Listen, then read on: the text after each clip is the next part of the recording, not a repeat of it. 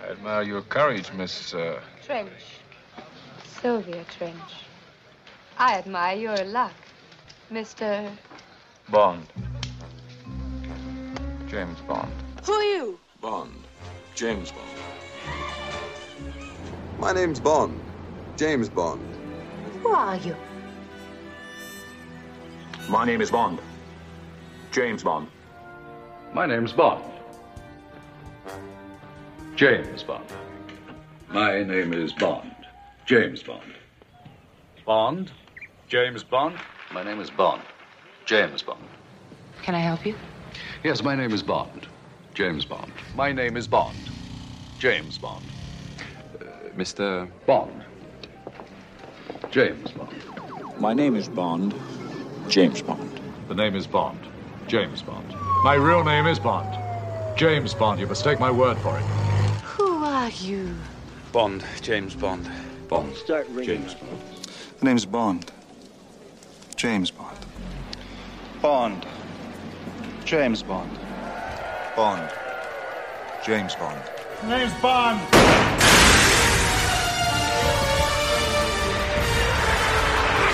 James Bond. Bond. James Bond. The name's Bond. James Bond. Bond. James Bond. Bond. James.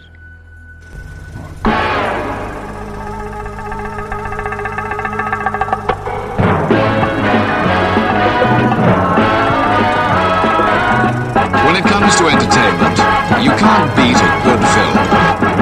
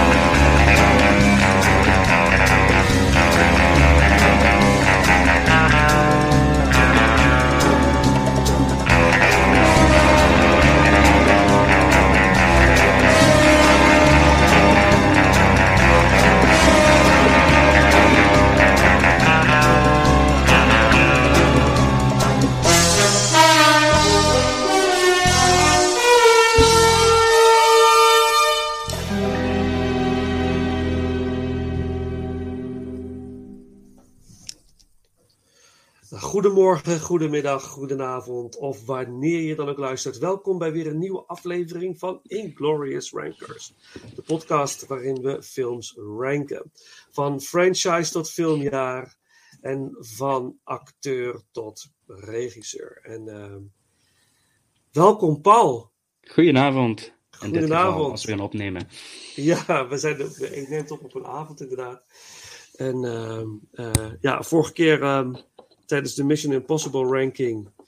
ehm, eigenlijk als we het zeg maar in, in, in, de, in de hele reeks eh, bekijken, zit er tussen de Mission Impossible ranking en deze nog een John Travolta ranking. Maar we hebben tijdens de Mission Impossible ranking al gezegd van jij wordt eigenlijk een soort van de vaste co-host. We gaan het samen eh, verder oppakken eh, de komende tijd. Eh, superleuk. Gezellig inderdaad. Ja, absoluut. En eh, zoals de mensen misschien, mensen die ons volgen op Instagram hebben gezien, dat we, en op Facebook, dat we elkaar ook in levende lijven hebben mogen ontmoeten. eh, voor nu Ja, een week of twee geleden. Ja, inderdaad. Heel Ja, erg ja. gezellig en ook heel erg leuk natuurlijk om elkaar inderdaad levende lijven te ontmoeten. Zeker als je elkaar hebt leren kennen via de digitale wegen en de social media's. Yes. Waar eigenlijk een eh, hele apart zaadje is geplant en waar iets heel leuks aan het ontstaan is. Om het even zo te Absoluut, ja, 100%. En het is ook al leuk om te merken dat het dan ook, als je elkaar ontmoet, dat het dan ook gewoon werkt of zo. Dat je dan een Ja, hele precies. middag kan optrekken en gewoon goede gesprekken kan hebben. En dat dat gewoon oké is. Ehm, ja, dus eh, er, er komt er heel veel aan. eh, voor luisteraars er komt heel veel leuks aan de komende maanden. Eh, we gaan jullie echt eh, trakteren op heel veel leuke dingen. Ehm, de afgelopen, eigenlijk, eh, als ik het goed heb, zo'n anderhalf jaar geleden, misschien iets korter geleden, ben ik begonnen met eh, korte, of eh, eigenlijk de, de, ranking James Bond, maar dan in korte stukjes. Begonnen met 80s Bond, toen 70s, toen volgens mij Brosnan, toen Greg, en toen uiteindelijk 60s Bond. En per onderdeel maakte ik steeds een ranking en dan werkend naar de complete ranking, de definitieve Bond ranking. En eh, dan denk je van, nou, ik dacht ik maak het mezelf wat makkelijker door hem in stukjes te hakken. Maar ja, dan alsnog is het verschrikkelijk ingewikkeld om het dan toch nog samen te stellen uiteindelijk. Moest ik, eh, moet ik zeggen. Eh, want ja, vanavond gaan we het hebben over, over James Bond. Eh, dus de komende afleveringen voor de luisteraars. eh, we gaan de- onze definitieve Bond ranking eh, doen. Hoe sta jij erin, Paul? Wat, hoe, hoe is jouw ervaring daarmee? Ehm, nou, ik neem aan dat je dan bedoelt van om al deze 25 titels plus één, om die in een lijstje te zetten. Precies. Ehm, ja. Nou, ik vond het wel echt een kleine filmische nachtmerrie, om zo te zeggen. Ehm dus eigenlijk wat je een beetje ook al aangeeft, van je hebt in eerste instantie heb je al de, de, de films beoordeeld in kleinere subcategorieën. En nu ga je alles op een grote hoop gooien. En er komen zoveel factoren bij kijken waarom je zegt van, eh, nou goed, deze film verdient plek nummer 17 of nummer 3. En eh eh, dan komt ineens veel meer bij kijken, nog meer dan bij de andere eh podcasters, omdat je nu over 25 films praat in plaats van zeg max 10 of 12 of Ja. kleiner. Ehm, dan, dan, dan ligt het allemaal heel dicht bij elkaar en moet je echt eh, soms kill your darlings, om maar even zo te zeggen. Dat je echt bepaalde opofferingen moet doen om het lijstje compleet te maken. Ehm desalniettemin ben ik wel tevreden geworden over mijn lijstje. Ehm, maar ik denk, als je me volgende week weer vraagt, denk dat er weer een ander lijstje uitkomt. en de week erop weer een ander lijstje. En dan zullen, nou, ik denk dat er wel misschien vijf van alle titels eh, vaste plek zullen hebben, maar de rest zal, eh, zal altijd ehm, wisselen en schuiven. En, Mhm. ehm, het is, nou, zoveel factoren zijn hier van invloed bij deze ranking. Eh, maar ik heb hem met heel veel plezier gemaakt. En, ik kijk de hele reeks ieder twee jaar ongeveer. op 1 januari begin ik altijd. Ook dit jaar op 1 januari begonnen met eh Dr. No, de eerste film. En dan iedere week kijk ik dan een film. Dus ik zit voor het eerste half jaar al vol voor de vrijdagavond. Voor degenen die me ook online volgen. En ik, ja, ik vind het gewoon heerlijk. Fijn vooruitzicht. En eh, ik vind het ook prettiger kijken dan een hele bulk in één keer kijken. Mhm. Eh, want dan kun je toch iedere film toch proberen evenveel aandacht te geven. En ik probeer ook deze keer een aantal special features van de Blu-ray edition mee te kijken. Om Ja. zo meer achter de schermen te leren ja, kennis te maken met alle facetten waar, eh, waar ze mee te maken hebben gehad. En ja, ik, ook laatst la, zag ik en las ik weer iets over de meest recente Bond-film. Dat ik dacht van, ja, dat had ik dus nooit eruit gehaald. Hoeveel Oh, special wow. effects er bijvoorbeeld zijn gebruikt. En eh, ja, briljant. eh, om een klein voorbeeldje te geven, en dan gaan we ook denk ik starten. Van, we kennen in principe van de recente film de openingsscène dat de auto over de brug rijdt waar Bond voor moet wegspringen. Nou, die auto schijnt dus gewoon compleet uit de computer te komen. Eh, Oh. eh, dat weet je dus niet, maar het ziet er zo fantastisch uit. En er zijn ook meer elementen zijn daar in uit de computer getoverd. En die openingsshots alleen al, dat, ja, dat is magie, filmmagie. En Ja. daar hou ik wel van. Ja, nou, gaaf. Ik weet dat eh, heel veel luisteraars weten ehm, dat, dat ik heel erg een hele grote Bond-fan ben. Maar ik was bij jou in, eh, in het zuiden des lands. En ehm, ik zag in jouw kast allerlei edities staan Ja, van dat Bond. klopt. hè, heel, allemaal collecties en zo. Dus jij bent ook een enorme, enorme Bond-fan. Eh, voordat we starten met de ranking, ik wil toch heel even kort stilstaan bij de, de, de vader van Bond, hè, dus Ian Fleming. Mhm. Heel kort zo, maar wat. wat eh, we hebben volgens mij ooit elkaar de vraag gesteld van... Stel je voor je gaat naar een onbewoond eiland... en je mag één franchise meenemen... waar je in principe de rest van je leven dan naar kan kijken. En dan was het, wordt het Star Wars, wordt het Indiana Jones... Wordt het, maar wij, volgens mij, als ik, me, als ik me goed kan herinneren... was het voor ons allebei, dat is Bond. Ja, Want absoluut. Bond blijft, wat je zegt, je kijkt het ieder jaar. Ik, voor mij komt het ook ieder jaar weer terug. Dan kijk ik weer een aantal eh, en, en eh, het geeft mij zo'n, het ontspant enorm. Ik kan er continu van genieten. Ik kan zeg maar sommige films keer op keer weer kijken en steeds weer genieten. Eh, hoe is dat voor jou? Nou, eigenlijk ook inderdaad. Het is eigenlijk onuitputtelijk, eh, deze franchise. Eh, ik, ik kan ook oprecht blijven genieten van, ook al heb ik de film diverse malen gezien. Omdat er, of je ziet steeds meer nieuwe dingen, of het is een feest van herkenning van bepaalde sentimenten. En het heeft met mij vooral te maken van, ik heb inderdaad, zoals je aangeeft, ik heb de collectie in VHS-banden hier aan het staan, DVD en Blu-ray. En ehm, dat, dat, dat is op zich ook echt wel een, een paradepaardje in mijn woonkamer, zeg maar. Eh, maar dat geeft ook wel een beetje de liefhebberij van deze franchise aan. En dat komt eigenlijk ook door, door mijn jeugdjaren. Ik, ehm, eh, ik ben eigenlijk een beetje met James Bond virus aangestoken door mijn vader. En ik, ik kan me nog altijd heel goed herinneren met, met, eh, met, met een zekere trots dat we in een weekend s'avonds naar James Bond gingen kijken als we de hele dag eh in huis hadden rondgehangen, geklust of iets hadden gedaan. En vervolgens dan eh, op de Duitser, vooral op de Duitser, dat is dan ook wel wat komisch, eh, eh, via de ZDF, of eh, de ARD, om dan eh, via die zenders de Duitse eh, Bond-versie te gaan kijken. Dus ik dacht in eerste instantie ook dat James Bond Duitser was, om zich erop helemaal compleet te maken. Eh, Er zijn wel wat illusies zijn daar gesneuveld, om zo te zeggen. Eh, maar ja, dan, dan doet me toch wel terugdenken als, als klein jochie met de natte haren op de bank. en eh, na het avondeten, tot kwart voor acht, zoals nog steeds op de Duitsers gaat, dat de James Bond begint te starten.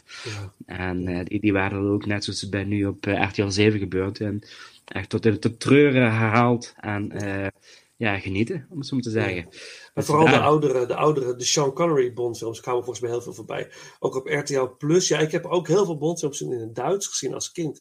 Misschien is het wel leuk om, eh, ik zal eens even naar gaan zoeken, dat we... De, laten we gewoon al nu al zeggen dat we de, de aflevering hebben geopend voor de intro met een stukje Duitse Bond. Dus als, je, Jawohl. dacht, ja, dus als je dacht als luisteraar, wat is dit? Dat is inderdaad een fragment uit een van de, van de Ja. Bondfilms in het Duits. Heerlijk.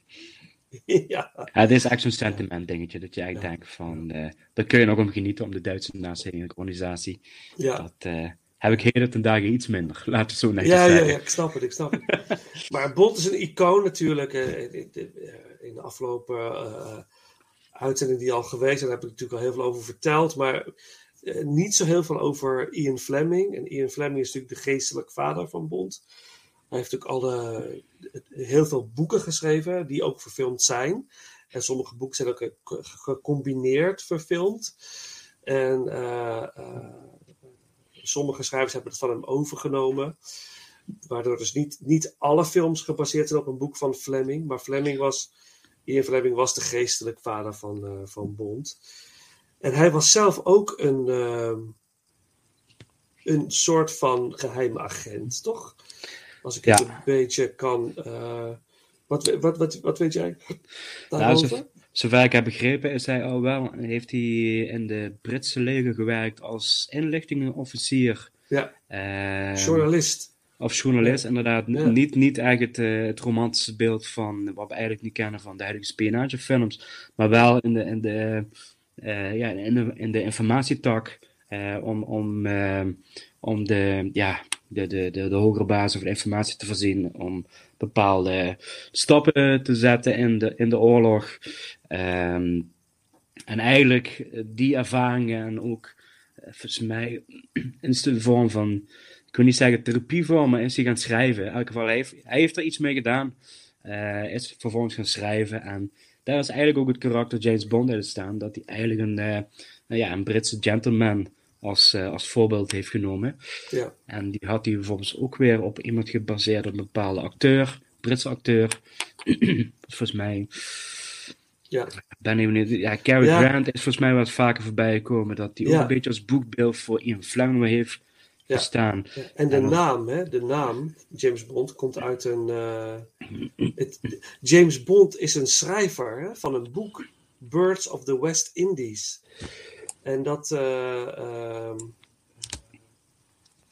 ja, er zit helaas niet zo'n spannend verhaal achter die naam, inderdaad. Nee, nee, nee. Achter James Bond, niet zoals Indiana Jones bijvoorbeeld. Of Luke Skywalker. Daar, daar zitten ja. veel leukere romantische verhalen achter hoe die titel Ja. of de naam ontstaan is. Maar dat is bij James Bond helaas niet zo. En uh, ja, dat is ook eigenlijk van. Als je alles terugkijkt, is het ook wel eigenlijk een feest van. Uh, ja, hoeveel toevalligheden er eigenlijk zijn geweest in het verleden. dat deze hele, hele James Bond franchise ontstaan is. Mhm. Uh, wat ons goed heb begrepen en gelezen is dat, dat Harry Saltzman, een van de eerste producenten van James Bond, die heeft de rechten gekocht van een boek. En dat bleek achteraf Thunderball te zijn. Ja. Uh, hebben ze geprobeerd te verfilmen met andere producenten en regisseurs. Ja. En een van die andere producenten was Kevin McCroy, als ik het goed zeg. Ja. En uh, hij kreeg het niet van de grond, hij kreeg het niet klaargespeeld. En hij moest op een gegeven moment, uh, had een deadline van zes maanden. En op een gegeven moment is hij gaan samenwerken met Broccoli, uh, Albert Broccoli. En die samenwerking heeft er eigenlijk voor gezorgd dat James Bond uh, uh, ontstaan is. Ja. Want Broccoli had wel de connecties en de, soms ook de middelen en ook de macht en ook de doorzettingsvermogen om bepaalde stappen te zetten. Ja. En dat heeft eigenlijk toe geleid, omdat het ook met rechten kwestie was, dat ze op een gegeven moment ook van een ander boek hebben gekozen.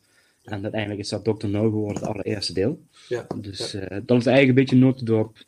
En dan zie je eigenlijk hoeveel toevalligheden er eigenlijk zijn geweest om dit te realiseren. Ja, en ja, dat, ja. Uh, fascinerend om dat te zien en te lezen. Fantastisch, ja, ja. En we genieten er nog steeds van. Daarom. En nu is, de, nu, nu is de grote vraag, ja, weet je dat. Voordat, dan is het laatste, dan gaan we echt starten, want we hebben echt 26 films om uh, te do doorlopen. Uh, maar dat. Uh, we hebben nu No Time to Die gehad, de voorlopig laatste Bondfilm. Aan het einde van de, van de, de film, tijdens de aftiteling, zien we toch nog in beeld James Bond will return. Dus ze zijn wel degelijk van plan om toch weer een doorstart te maken met Bond. Uh, voordat we verder gaan, ik wil toch even vermelden, beste mensen, als je No Time to Die niet hebt gezien, dan wil ik toch wel vragen om later terug te komen naar deze aflevering. Want we gaan wel spoilen. We, we, moeten, we moeten spoilen ja. op dit gebied. En um, ik denk ook, ik denk de mensen die echt van Bond houden en dit gaan luisteren, die zullen No Time to Die gegarandeerd al hebben gezien. Dus dat kunnen we. Um, uh, maar ik ben heel benieuwd, deze woke cultuur, die nu uh, soms ook wel een beetje, heel eerlijk gezegd, de spuigaten uitloopt. Maar dat is, een heel, dat is mijn uh, visie, mijn mening. Alle respect voor alles en iedereen, maar het, het gaat soms een beetje ver. Ben ik heel benieuwd wat ze met het karakter Bond uh, gaan doen. Omdat Bond, volgens mij hebben we het al een keer eerder over gehad, Bond is een mannenfantasie. Het moet een, het moet een, een stoere vent zijn die vrouwen uh, verovert, uh, bad guys verslaat en gewoon de held is. Hè, de man, de mannelijke figuur. En nu in deze tijd lijkt de man niet meer zo te bestaan, of degene niet steeds minder bestaansrecht te krijgen. Dus ik hoop, ik hoop niet dat um, ze gaan kiezen voor, voor een woke-achtige bond. Ik snap dat het in de, in de, in de tijd, in het tijdsbeeld past. Maar combineer het dan met een ijzersterke vrouwelijke tegenspeelster bijvoorbeeld. Of, of snap je? Dat, dat je ja, zo'n absoluut. balans krijgt. Maar Bond moet... Voor, maar dat is waar, ja, waar jij en ik... Wij zijn ermee opgegroeid. Wij, uh, ja, dat, ja, op zich, in de kern vind ik wel dat hij wel de klassieke Bond moet blijven. En dan proberen om deze te transformeren naar de hedendaagse filmcultuur filmcultuur. Uh -huh. uh, maar ik denk wel dat andere Bond-acteurs daar wel ook op een andere manier last van hebben gehad. Ja. Uh, dat ze eigenlijk met het klassieke karakter heel moeilijk uh, in die bepaalde tijdsgeest een plek in de filmwereld konden veroveren. ja, ik hoop inderdaad, tuurlijk, er zal een 26e film komen, een officiële film. want dat, dat is gewoon echt noodzakelijk. daar is ook de franchise te groot voor. Maar ik hoop wel dat ze, dat ze goede keuzes maken, waardoor de kracht van de 25e film ook overeind blijft staan. Ja. Uh, want de ontwikkeling van de laatste film staat en valt eigenlijk bij uh, de nieuwe keuzes die ze gaan maken bij de nieuwe Bondfilm. Ja. Uh, dan weet je pas echt of het, het effect de moeite waard is geweest en ook het gaat brengen wat ze voor ogen hebben gehad. Ja. Dus dat Ja. is wel iets wat ik hoop dat ze dat in achterhoofd houden. Ja, ja. Interessant. we gaan het zien. We gaan het zien. Er komen een hoop nieuwe Bondacteurs ook voorbij. Dat zag ik laatst nog. eh, dat allerlei mensen worden getipt. Eh, we gaan het zien. Daar gaan we het zo nog wel even over hebben. Maar ehm, laten we gaan aftrappen met de ranking James Bond. De definitieve ranking, tenminste voor nu. Hè, wat zeg, over een jaar kan het zomaar heel, totaal Helemaal anders zijn. Maar het aantal films, voor, voor mij persoonlijk, heb ik toch echt wel een hele stabiele positie.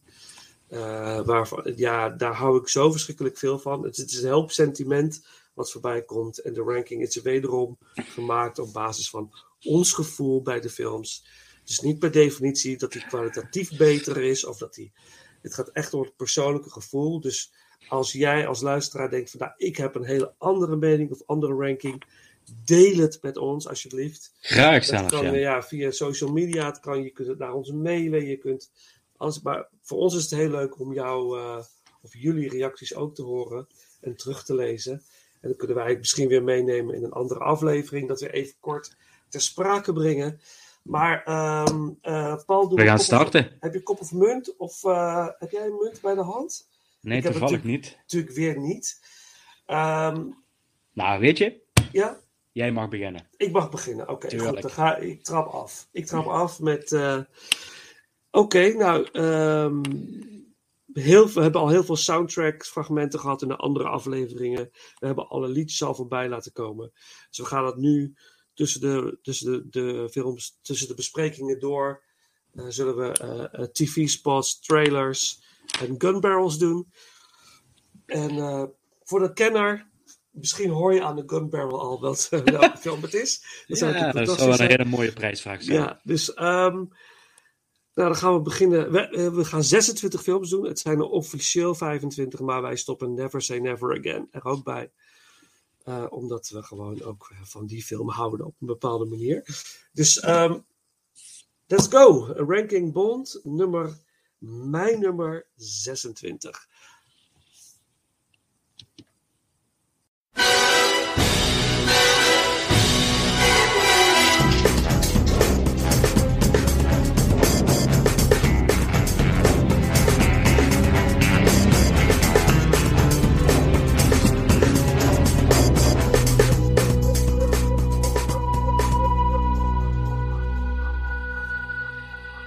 Ja, mijn nummer 26, 26. Dus geen nummer 10 of geen nummer 4. Ja, nee. bizar hè? Ja, nummer 26 is uh, voor mij um, is dat Die Another Day. Met uh, Pierce Brosnan als Bond. Uh, toevallig ook jouw nummer 26 of heb jij een andere? Toevallig niet. Toevallig niet, oké, okay, oké, okay, goed. Nou, het, nogma- nogmaals, even daarbij vermelden dat ehm, ik ehm, iedere Bondfilm een genot vind. Ik kan iedere Bondfilm meerdere keren kijken. Maar in het geheel vind ik deze film, de twintigste officiële Bondfilm, eh, uitgebracht in 2002, in Nederland 2003 trouwens. Ehm, vind ik gewoon echt de minste Bondfilm. En waarom vind ik dat? Ehm, ik ben niet zo'n hele grote Pierce Brosnan fan. Ik vind hem, hij is wel een soort van de perfecte combinatie, vind ik, tussen Roger Moore en Connery. Hij is een soort combinatie van de twee, waardoor. En Timothy Dalton ook wel een beetje een vleugje daarvan. Maar ik, ik I don't know, ik weet het niet. Deze film, Die Another Day, gaat zo waanzinnig over de top. Dat ik op een gegeven moment dacht, ja, ik, ik, kon, ik kon er niet meer in mee of zo. Tot op zekere hoogte kon ik erin mee. Tot aan het IJspaleis. Ik kon het nog net handelen met die onzichtbare auto. Hij heeft een onzichtbare, auto heeft in die film. Dat kon ik nog handelen, maar dan gaat het nog langer door met een jump uit een, uit een vliegtuig. eh, en het, was too much. Terwijl het, de eerste, het, eh, het eerste gedeelte van de film, vooral voor de, voor de, song, voor de, de, de classic Madonna song, eh, is het een heel veelbelovende film, moet ik zeggen. Ik Hij zo. begint goed. Hij Ja. begint best eh, Ja. sterk, om het even zo te zeggen. Ehm, maar daarna is het ook wel eh, bijna fout of fout of fout. Of ja, fout. Misschien is het fout. Ik, ik, ik vind het vooral een, een, een, een, een overkill van CGI. En Ja. dat was vooral in, sowieso in dat tijdperk, in de in eind jaren 90, begin 2000, waar heel veel actiefilms gewoon last van hadden. Eh, dat, ze, dat ze heel veel leunden op de special effects. En, de, ehm, dat is op zich niet erg, maar doe het dan goed. En er zijn echt wel een aantal scènes en dat ik denk van... eh, eh, nou jongens, dit, dit kun je niet verkopen als maker zijnde. Ehm, en wat je terecht zegt van... ehm, ja, het, het, het- de film zakt in elkaar eigenlijk. Het is, hoe, hoe verder die... Ik vond hem ook doodvermoeiend. Eh, Ja. Dat ik echt dacht van... eh, maar jongens, wat, eh, ik ben helemaal kapot, om het even zo Ja. te zeggen. Nou ja, dat vind, ik, dat vind ik wel een hele goeie. Ja. Want Dat, dat had ik ook. Denk, ik, ja, oké, het begint zo sterk. Ik denk, als je die, die- dit, want Bond, in het begin van de film krijgt Bond echt, hij krijgt het echt zwaar te verduren. Maar, hij wordt echt, eh, hij wordt gevangen genomen in Korea, hij wordt gemarteld. Hij eh, gaat echt door een hel.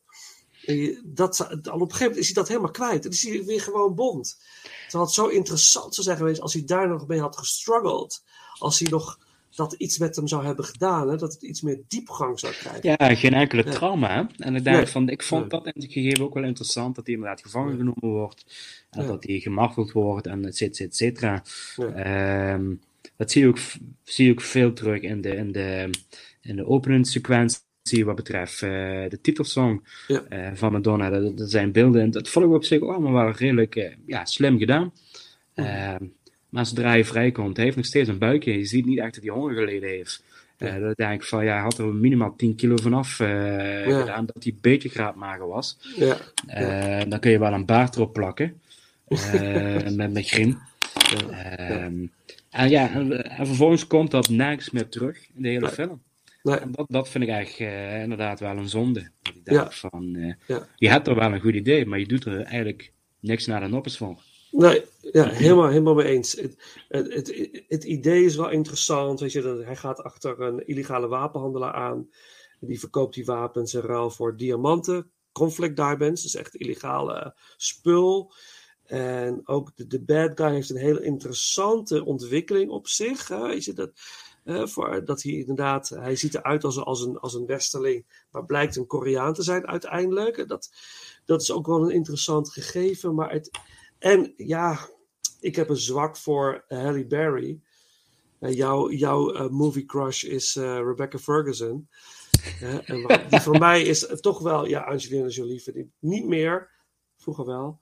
Maar Halle Berry blijf ik echt een prachtvrouw vinden. En een hele goede actrice. Ja. En ehm zo, zoveel meer eh, met, alles kunnen doen. En het, is too much. Vermoeiend wordt het op een gegeven moment. Ja. Als ze de helft daarvan hadden weggelaten en het puur op het karakter hadden laten voortvloeien, was dit zeker niet mijn eh, nummer 26 geweest. Maar dat is die wel. Maar we gaan het er zo over hebben als die bij jou, eh, voor, je- bij jou voorbij komt. En, eh, wat is jouw nummer 26? How's this for kicks? He's back in action in a new Bond spectacular.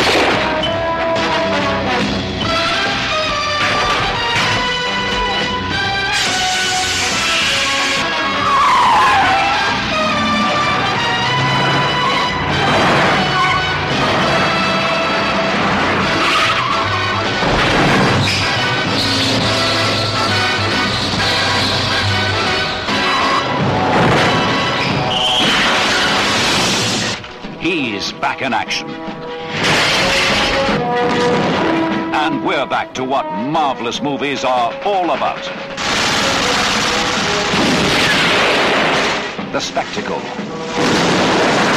The thrills. The girls. The nerve. The man.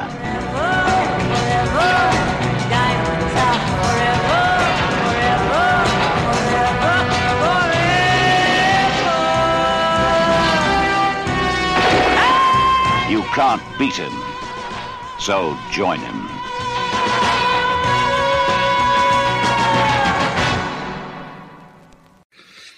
Nou, mijn nummer 26 is eh, Diamonds Are Forever. Dat is mijn nummer 25. Dat is jouw nummer Ja, 25. dus dan kunnen we daarover door, ja. Ja, en eh, dan kan ik ook eigenlijk zeggen dat mijn 25 Die Another Day is. Oh, dus hebben, we, hebben we op zich een mooi koppeltje te pakken. Ehm, als je mij vraagt, Diamonds Are Forever. Dit is, dit is voor mij misschien wel de enige film in, in de hele franchise ehm, die ik minst, met minste plezier opzet. Als, als ik naar de hele rij kijk en, ik, en je, je zegt, je moet er ene kiezen die je absoluut niet wil kijken. Nou, dat is voor mij deze. En dat zijn een aantal factoren. Ik denk dat het echt wel te maken heeft met, met, met vroeger een bepaald sentiment. Waarom ik hem niet fijn vind. Maar ook, ook de film zelf. Ik heb hem toevallig gewijs afgelopen vrijdag in mijn ritme gezien. Mhm. Ook, ook nu zal ik weer te kijken van. ehm, het, het voelt heel erg als een moedje voor Sean Connery. Eh, Ik vind hem een beetje ongeïnspireerd rondrennen in die film. Ehm, ook al. Ja, ook, ook qua uiterlijk. Ik vind hem op een of andere manier vind ik hem daar oud uitzien. Ik vind, ik vind hij heeft, hij heeft een bepaalde uitstraling, heeft hij niet, wat hij in de andere films wel heeft. Eh, het, of, eh, het verhaal over diamanten is, is dat ik denk van, maar de henchmens is overigens wel de, de, de eerste en enige homoseksuele paar wat volgens mij in een James Bond film voorbij is gekomen. Ja, maar niet openlijk, hè? Dus het is zomaar Nou, maar gissen, hè? Ja, nou, daar had ik dus een vraagteken bij, omdat je op een gegeven moment in het begin zie je wel dat ze hand in hand weglopen. Mhm, mhm. Eh, en toen was inderdaad een vraag, toen zat ik wat te denken van, is dit een beetje eh, als, als eh, ja, Bassie en Adriaan dat ze weglopen, of is het wel als een stuitje geliefde? Ehm, ja, en er, er gebeuren allerlei dingetjes dat ik denk van, dus de film kent ook een van de grootste ja, stuntfouten die in een James Bond film voorbij komt. Vertel. Dat ik nou, dus de, de scène met eh, dat hij op een gegeven moment op twee wielen door een steegje heen rolt. eh, in Las Vegas. En hij gaat er op een gegeven moment op zijn rechterwielen in. En komt op zijn linkerwielen eruit. Dus halverwege de steek is hij gewoon vakant gewisseld. en op een gegeven moment doen ze iets met de camera, waardoor de camera zeg maar goed meedraait. Alsof het klopt. Maar dat ik op een gegeven moment dacht van, is het nou opzettelijk zo gedaan? Of is het eigenlijk gewoon zo'n stomme fout? Of hebben ze iets van, ah, laat ik er maar met de montage, laten we er dit ervan maken. Door met het Mhm. camerabeeld wat te draaien van, dan maken we daar iets grappigs van. Ja. Maar ik denk van, dan heb je een miljoenenproductie met zoveel stuntmensen en zoveel eh, professionals. En is er niemand die zegt van, jongens, we rijden de verkeerde kant uit. Of op de verkeerde wielen. Wat, eh, en dat klopt wel. Hè, kijk, want hij komt natuurlijk op zijn linkerwiel uit. Want dat is natuurlijk mooier voor het shot, voor weg te rijden uit, als hij uit de steegje komt. Dat klopt allemaal. Ja. Maar het slaat nergens op. Dat ik denk van, nee, sorry, maar dit- gaat me eigenlijk een, een slag te ver. Ja. Ehm, en tenslotte, ja, de, de film eindigt op, op, een, op een olieplatform. Ja. Ja, ook dat vond ik eigenlijk ja, bijna suf. Dat, dat ik dacht van... eh, en terwijl het gegeven is gewoon eigenlijk heel best stoer. Dat ik denk van helikopters vallen een olieplatform aan. Ehm, daar kun je volgens mij best een hele spannende en een hele energieke sequentie van maken. Ja. Maar het enige wat je hebt is dat in een, in een, in een capsule zit eh, die rondgeslingerd wordt aan de kraan. Dat ik denk van ja, is dit nou Ja. de manier zoals je je grootste aardsvijand eh gaat, gaat vangen en eh, uitschakelen? Dus dat, dat ja, niet, niet mijn, mijn cup of tea, om maar even heel Brits te zeggen. Nee. Dat, eh, dus vandaar mijn nummer 26, Diamonds Are Forever. Ja, ja dus hij is mijn, mijn nummer 25. Ja, ik, ik, ik ben het eigenlijk helemaal met je eens. Ik, ik kan de film wel vaker zien, maar meer voor op de achtergrond, gewoon omdat het bond is. Dat het gewoon, en ik, ik denk dat de film heel veel potentie heeft. Hij heeft heel veel, maar Sean Connery is zo lui aan het acteren. Hij is zo zijn, zijn, zijn trucje aan het doen de hele tijd. Dat is gewoon voelbaar. Dat is gewoon heel irritant. Ik denk van, kom Het lijkt een beetje een moedje. Ja. Ik had het idee omdat George Lazenby eh, niet terugkwam naar Majesty Secret Service. Ja. Eh, producenten hebben volgens mij gewoon grof geld geboden aan Connery om terug te komen. En dat het echt zo'n overbrug, over, sorry, een overgangsfilm was voor eh, een nieuwe James Bond eh, acteur te zoeken, wat uiteindelijk dan Roger Moore geworden is. eh, voor Live and Let Die. Het, het, het, eigenlijk zo'n- het voelt eigenlijk zo'n tussendoortje van, ja, we moeten wel ieder twee jaar moeten we een Bond-film in de bioscoop hebben, want dat verwachten de mensen van ons. Ja. En de kassen moet rinkelen. Dus laten we maar nog één keer Connery terugvragen voor een bak geld en laten we dat er doorheen duwen. Ja. Ehm, zodat we in de tussentijd kunnen gaan zoeken naar een nieuwe Bond en aan nieuwe dingen gaan werken. Zeg maar. Ja, ja absoluut. Ja, ja nee, vast, vast. Maar het, het is zo. eh, ik weet ook dat voor heel veel mensen Forever wel een favoriet is. Het heeft, het heeft gewoon een bepaalde, bepaalde sfeer dingen die wel oké zijn. En een aantal spannende scènes die heel spannend hadden kunnen zijn. Hè? Zoals de bijna dood van Bond. en Dat, soort- dat crematorium. eh, Ja. Waar die zeg maar in- opgesloten in een kist zit en bijna eh, gecremeerd wordt. Super spannende ideeën. Ik blijf een rare scène vinden. Ja, is heel hoe, hoe we ineens stoppen. Ineens, hij zit in de oven en op een gegeven moment, ja, hij gaat open en ja, Ja. komt erachter. Ja, je hebt me belazen met diamanten. Ja, ja, En, ja. eh, ja. heb ik wat gemist? Eh, Zo'n rare overgang dat ik denk van, True, eh, true. wat? Ja, ja, ja het, is, het is niet. en natuurlijk, Bo- Bond is in Amsterdam ook, hè? Ja. In Amsterdam. En ik heb het ook al eerder in, in een andere aflevering verteld. Hè? Op een gegeven moment dan heeft hij. Dan ontmoet hij voor, de, voor het appartement waar hij uiteindelijk z- zijn vijand eh, gaat eh, verslaan. Die ziet hij dan. En dan praat hij in het Duits tegen die man. Dat ja, dat is wel heel, heel raar. eh, dat klopt niks van. Dat ik denk Klopt. van... nee, daar oh, klopt helemaal niks eigenlijk een belediging voor de Nederlandse, eh, Ja. eh, Ja. Nederlandse cultuur en Ja. eh. Amsterdam, zeg maar. Ja, ja, absoluut. Dus ja, ja, voor mij ook. Ja, mooie titelsong. Shirley Bassey is natuurlijk eh, eh, fenomenaal. Ja, En- dat, dat wel dan weer. ja, ja, en de soundtrack van John Barry is ook om te smullen. Het is, dat werkt allemaal helemaal goed. En eh, ik moet zeggen, de, de, de, de, de andere acteurs in de film, waaronder niet Crispin Glover, maar zijn vader. Kom op, hoe heet hij nou? Oh jee. Je hebt de vader van eh, Crispin Glover uit Back to the Future. Eh, die, die een van de, de henchmen eh, is, zeg maar. Die, Ik ben het googelen. die zijn natuurlijk wel heel. die maken hem wel. Charles Gray als Blofeld is oké, maar Bruce Glover, sorry. Ja, ik wil zeggen. Bruce Glover, ja, Mr. Wind.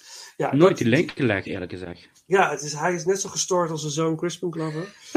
maar, eh, dat, die- ja, die, ja, maar het werkt allemaal net niet. Hè? Dus, het is- Nee. dus oké, ja, eh, jouw nummer eh, 25 is Die Another Day. Het is ook eh, laag, staat die. Ja, dat is, ik heb al een aantal dingen gezegd. Voor, voor mij is eigenlijk het enige, enige pluspunt is inderdaad de opening scène, wat, waar, waar het echt goed begint. Eh, ik moet zeggen, Rosamund Pike vind ik op zich wel echt een hele goede, eh goede zet. Eh, ook, ook inderdaad Berry echt niks mis mee. Eh, ze doen echt gewoon hun ding wat van hen gevraagd wordt. Ehm, maar ik vond ook de eindschurk, vond ik... ehm, volgens mij Alex Grave heet hij in de film. Mhm, Eh, ik vond hem gewoon echt saai. En ik vond zijn Chinese alter ego vond ik veel interessanter in het begin. Mhm, Eh, dus ik had eigenlijk interessanter gevonden als ze die acteur hadden overgenomen naar de rest van de film. En dat ze misschien ervoor hadden gekozen om die henchman te veranderen, eh, dat om te draaien. Eh, die henchman vond ik ook wel oké. Eh, dit is allemaal net niet. En soms op momenten heb ik het gevoel dat ze te veel wilden proberen om een hommage te doen aan oude films met bepaalde, met bepaalde ja, referenties. En je ziet oude auto's en je ziet oude gadgets die hier voorbij komen. En een van de grootste doodzondes wat in die film wordt gedaan, van ook al is het een virtual reality eh, setting van dat hij met Moneypenny gaat kussen. Ja, dat kan niet. Dat is juist een, een, een, een, een iets wat, wat, dat is zo'n spanningsveld wat aan al die films voorbij komt. Juist. En ineens gaat hij met Moneypenny te rollenbollen. Ja. Ja, ik kan hem geen ongelijk geven, maar dat hoort gewoon niet bij. Dat is juist zo'n onderdeel wat zo leuk maakt, die spanning tussen die twee. Ja. En eh, ja, het einde, de finale en met, met dat vrachtvliegtuig wat helemaal eh, door een satelliet wordt verpulverd. Dat ik denk van, eh, ja, eh, nee. Het is too much. Het doet Ja. me heel erg denken aan de allerlaatste Triple X film. Ja. Want, Oh ja. dit, dit is echt zo'n scenario, dat kun je alleen in een Vin Diesel film gooien met Fast Furious of Triple X. Ja. Dat is zo'n hersenloos, boutloos Ja. actiegebeuren. dat Ik denk van, maar dit hoort niet in een James Bond film thuis. Nee. Dit, dit vind ik echt gewoon vloek in de kerk bijna. Mhm, mhm. Dus. Wauw, een goede heftige uitspraak. Maar ja ik, ik, Ja. ik kan hem wel helemaal volgen. Ja, ik, ik vind best dat Bond over de top mag gaan. En een van de eh Bondfilms die echt over de top gaat, staat in mijn top 5. En daar komen we straks op. Maar daar kan ik zo verschrikkelijk van genieten. Maar daar in die film is de, is de balans zo goed, vind ik. En dat is hier gewoon. Het, het, het mag over de top gaan, maar er moet een dergelijke opbouw in zitten, waardoor je dat gelooft. Dan zeg je van, ah, wat lekker man, we gaan even lekker helemaal los. Maar het moet zich deze- geoorloofd zijn. Precies, precies. Het moet niet van, en dat is wat ik vaak in heel veel films tegenwoordig heb, van laten we iets geks verzinnen en de rest verzinnen we wel eromheen. Nee, je moet met een verhaal beginnen en dan denken, dat zou echt te gek zijn als we, als we niet dit opblazen, maar we doen, oh, we doen het helemaal. Ja. Dan is het zo geoorloofd en dat ik denk van, oké. Ja, ja, eens, eens. Tijd Mooi. nummer 24. Ja, nummer 24. Ja, dat, eh, die staat voorbij weer natuurlijk nu. En dat is, eh, ja, ja, sorry. Het is...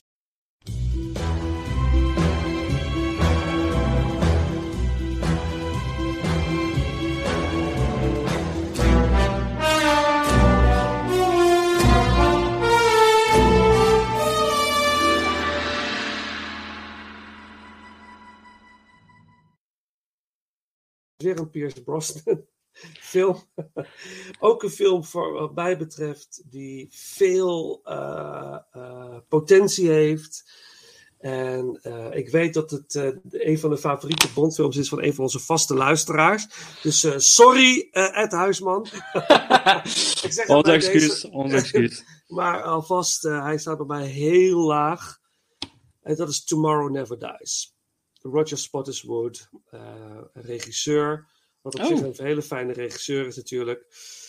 Eh, maar als ik, ik, het was echt even zoeken hè, naar waar ga ik die film plaatsen. Maar als ik hem dan naast al het andere leg, moest het wel. Ik kon hem niet hoger plaatsen dan, dan dit. Tuurlijk Het is wel. een- ja. Ik heb het tenminste wel gedaan. Dus. ja, jij hebt het gedaan. Ja, ja, Ik ja. heb- Ik ben heel, het is jouw nummer één. Nee, nee, nee, nee, nee. Dat, dat kan ik je bij deze overklappen. Maar dat is niet mijn nummer 1, maar hij staat bij mij wel echt een stuk hoger dan, eh, Ja, dan plek ja. nummer 24. Ja, nou ja, ik vind het een. eh, eh, ik, het, is een hele, het is een leuke Bondfilm en het is, het is de moeite waard. Ik, maar wat ik zo verschrikkelijk jammer vind, is dat bijvoorbeeld een karakter als eh, die van Jonathan Price, dat het, dat het gewoon, het, het is het niet. Het werkt niet voor mij. Ik geloof er geen reet van. Ik vind hem niet dreigend. Hij speelt Elliot Carver, een Ja. mediamagnaat, die eigenlijk controle heeft over de pers. En over eigenlijk in die zin ook over alles wat er in de wereld gebeurt. Je hebt Terry Hatcher, prachtige vrouw. Uh, Michelle Yeoh, hele, uh, Michelle Yeoh, echt een hele toffe Bondgirl, by Absoluut. the way. Uh, dat Zij verdient echt, meer. Ja, echt erbij zeggen. Dat is... was ook de eerste dat ik dacht van deze Bondgirl verdient echt gewoon een spin-off film. Ja. daar heb je echt potentie liggen om, om daar iets, echt iets moois van te maken. True. Uh, dus de, daar geef ik helemaal gelijk in. Van, ze verdient echt meer. En vind ik ook wel een van de grootste pluspunten van deze hele film. Ja. Elliot Carver, ja, Jonathan Price. Ik vond het idee wel leuk met de media en alles wat erbij bekijken. Ja. Maar ik vond de uitvoering vond ik wel echt wat, uh, wat slap. Om maar even heel simpel te zeggen.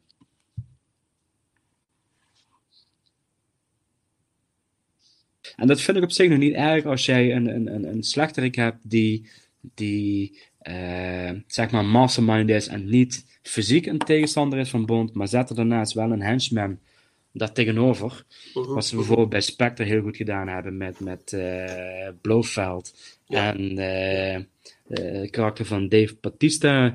Echt zo'n zo'n zo'n bodybuilder die, die echt James Bond helemaal vooruit kan slaan als het moet. Ja. Uh, maar de heer Stamper in deze film, op zich een leuke Duitse acteur, maar ik vond hem echt wat, wat, wat slap, om het zo te zeggen. Ja. Dan, dan, dus dat is een beetje van, um, ja, vond ik gewoon jammer. Ja. Het wel, het is gewoon een potentieloze, hele leuke actieflik, om even zo te Ja. zeggen. Ja. En dat is waarom die voor mij iets hoger staat, dat ik denk van, um, ze weten dat het verhaal niet sterk genoeg is. Dit is ook, uh, volgens mij is ook al onder druk uh, deze film gemaakt. Want Ja, letterlijk twee, twee ja. jaar na uh. GoldenEye, het debuut van Brosnan, is die uitgekomen. Uh, volgens mij hebben ze eigenlijk wel geweten van, ja, weet je, verhaal is sterk genoeg, dus we moeten ons echt gaan inzetten op de actiescènes. Ja. Uh, en Ja. dat hebben ze gewoon heel goed gedaan. En dat vind ik wel knap in deze film. Uh, qua actiescènes staat het eigenlijk vier overeind. Uh, Mhm. En ook wel, toch wel een kleine speciale vermelding voor onze Dickie Beer, de Nederlandse stuntcoördinator, Ja. die, de, die alles verzorgd heeft voor deze film. Ja, en laten we Dus- even Daf de Dekkers benoemen. Ja, zeker. Die ook een glansrol heeft.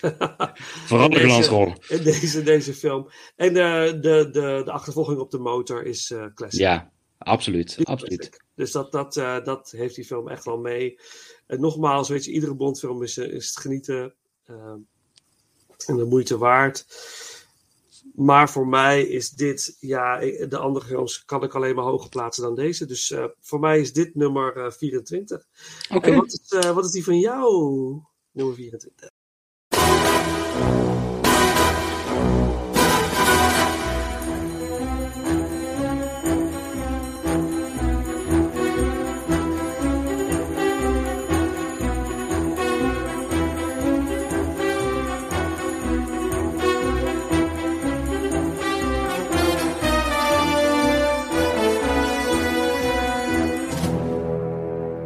Mijn nummer 24 is. Octopussy. Pollo Mayo! Ja, oh, dat wordt nog heel interessant. ja. Maar ik heb een vermoeden dat die bij jou op een andere plek staat. Ja, best wel. Nou ja, eigenlijk, en dat is een beetje. eh, ehm, dit, is een film waar ik eh, ja, eigenlijk een beetje alleen kan genieten van de openingsscène als hij met een vliegtuig door de hangar vliegt, zijwaarts. Ehm, ehm, maar ik vond de rest van de film, vond ik, vind ik, vind ik gewoon niet, niet aantrekkelijk. Ik, eh, ik, hij hij verveelt me een beetje. En hij rende op een gegeven moment als een clown rond. Waar ik denk, ja, is het nou echt gewoon typerend voor, voor, voor deze Bondfilm dat het eigenlijk een clownieke film is. Ehm, en dat gedeelte in India met Octopussy zelf en met, met eh, de Wild Safari. Ehm, ik, eh, nee, ik, ik vond het. eh, ik, ik vind het geen, op dat gebied geen fijne Bondfilm. De actiescènes zijn natuurlijk weer gewoon prima verzorgd door John Glenn, die ook altijd stuntcoördinator is geweest van de eerdere films. Dus je weet echt hoe die actiescènes moet maken. Ehm, ehm, nee, dit, dit is voor mij van. Dat, dat, er zat voor mij iets te veel vrouwvriendelijkheid in. En dat is niet negatief Vrouw bedoeld. onvriendelijkheid of vrouwvriendelijkheid? Nee, nee vrouwvriendelijkheid, sorry. Vrouwvriendelijkheid, oké. Ja, dit is, is een beetje van. eh, eh, ook met, met, met het leger van Octopussy bestaan er alleen maar vrouwen. En die dan allemaal met, met allerlei circustrucjes eh een basis eh, veroveren. Ehm, Mhm. Het ziet er heel leuk en visueel speels uit. Maar ik vond wel echt Ziet van, eh, ja, dat is voor mij zo'n film in de James Bond franchise. Zeker met de Roger Moore eh, tijdperk van, eh, het leunt wel heel erg naar een bepaalde comediekant toe.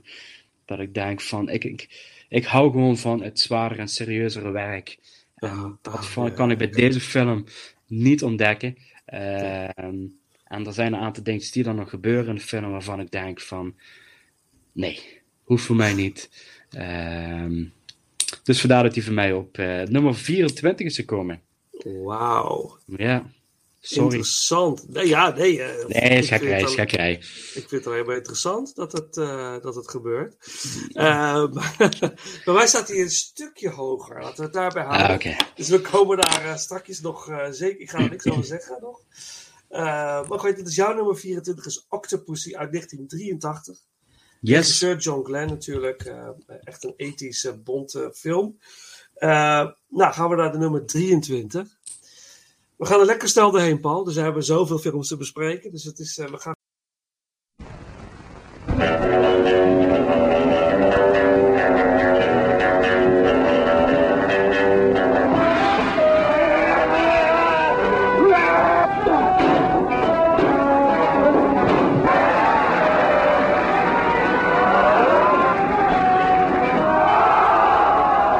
Double O Seven. Sean Connery. James Bond. Welcome to Japan, Mr. Bond.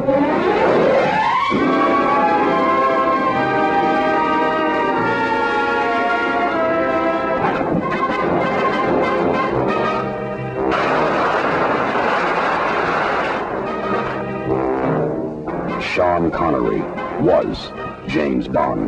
Uh, too late. Well, at least he died on the job. Sean Connery is James Bond. In Ian Fleming's You Only Live Twice. And twice is the only way to live. Bond is dead. Bond is alive. Kill Bond! Now!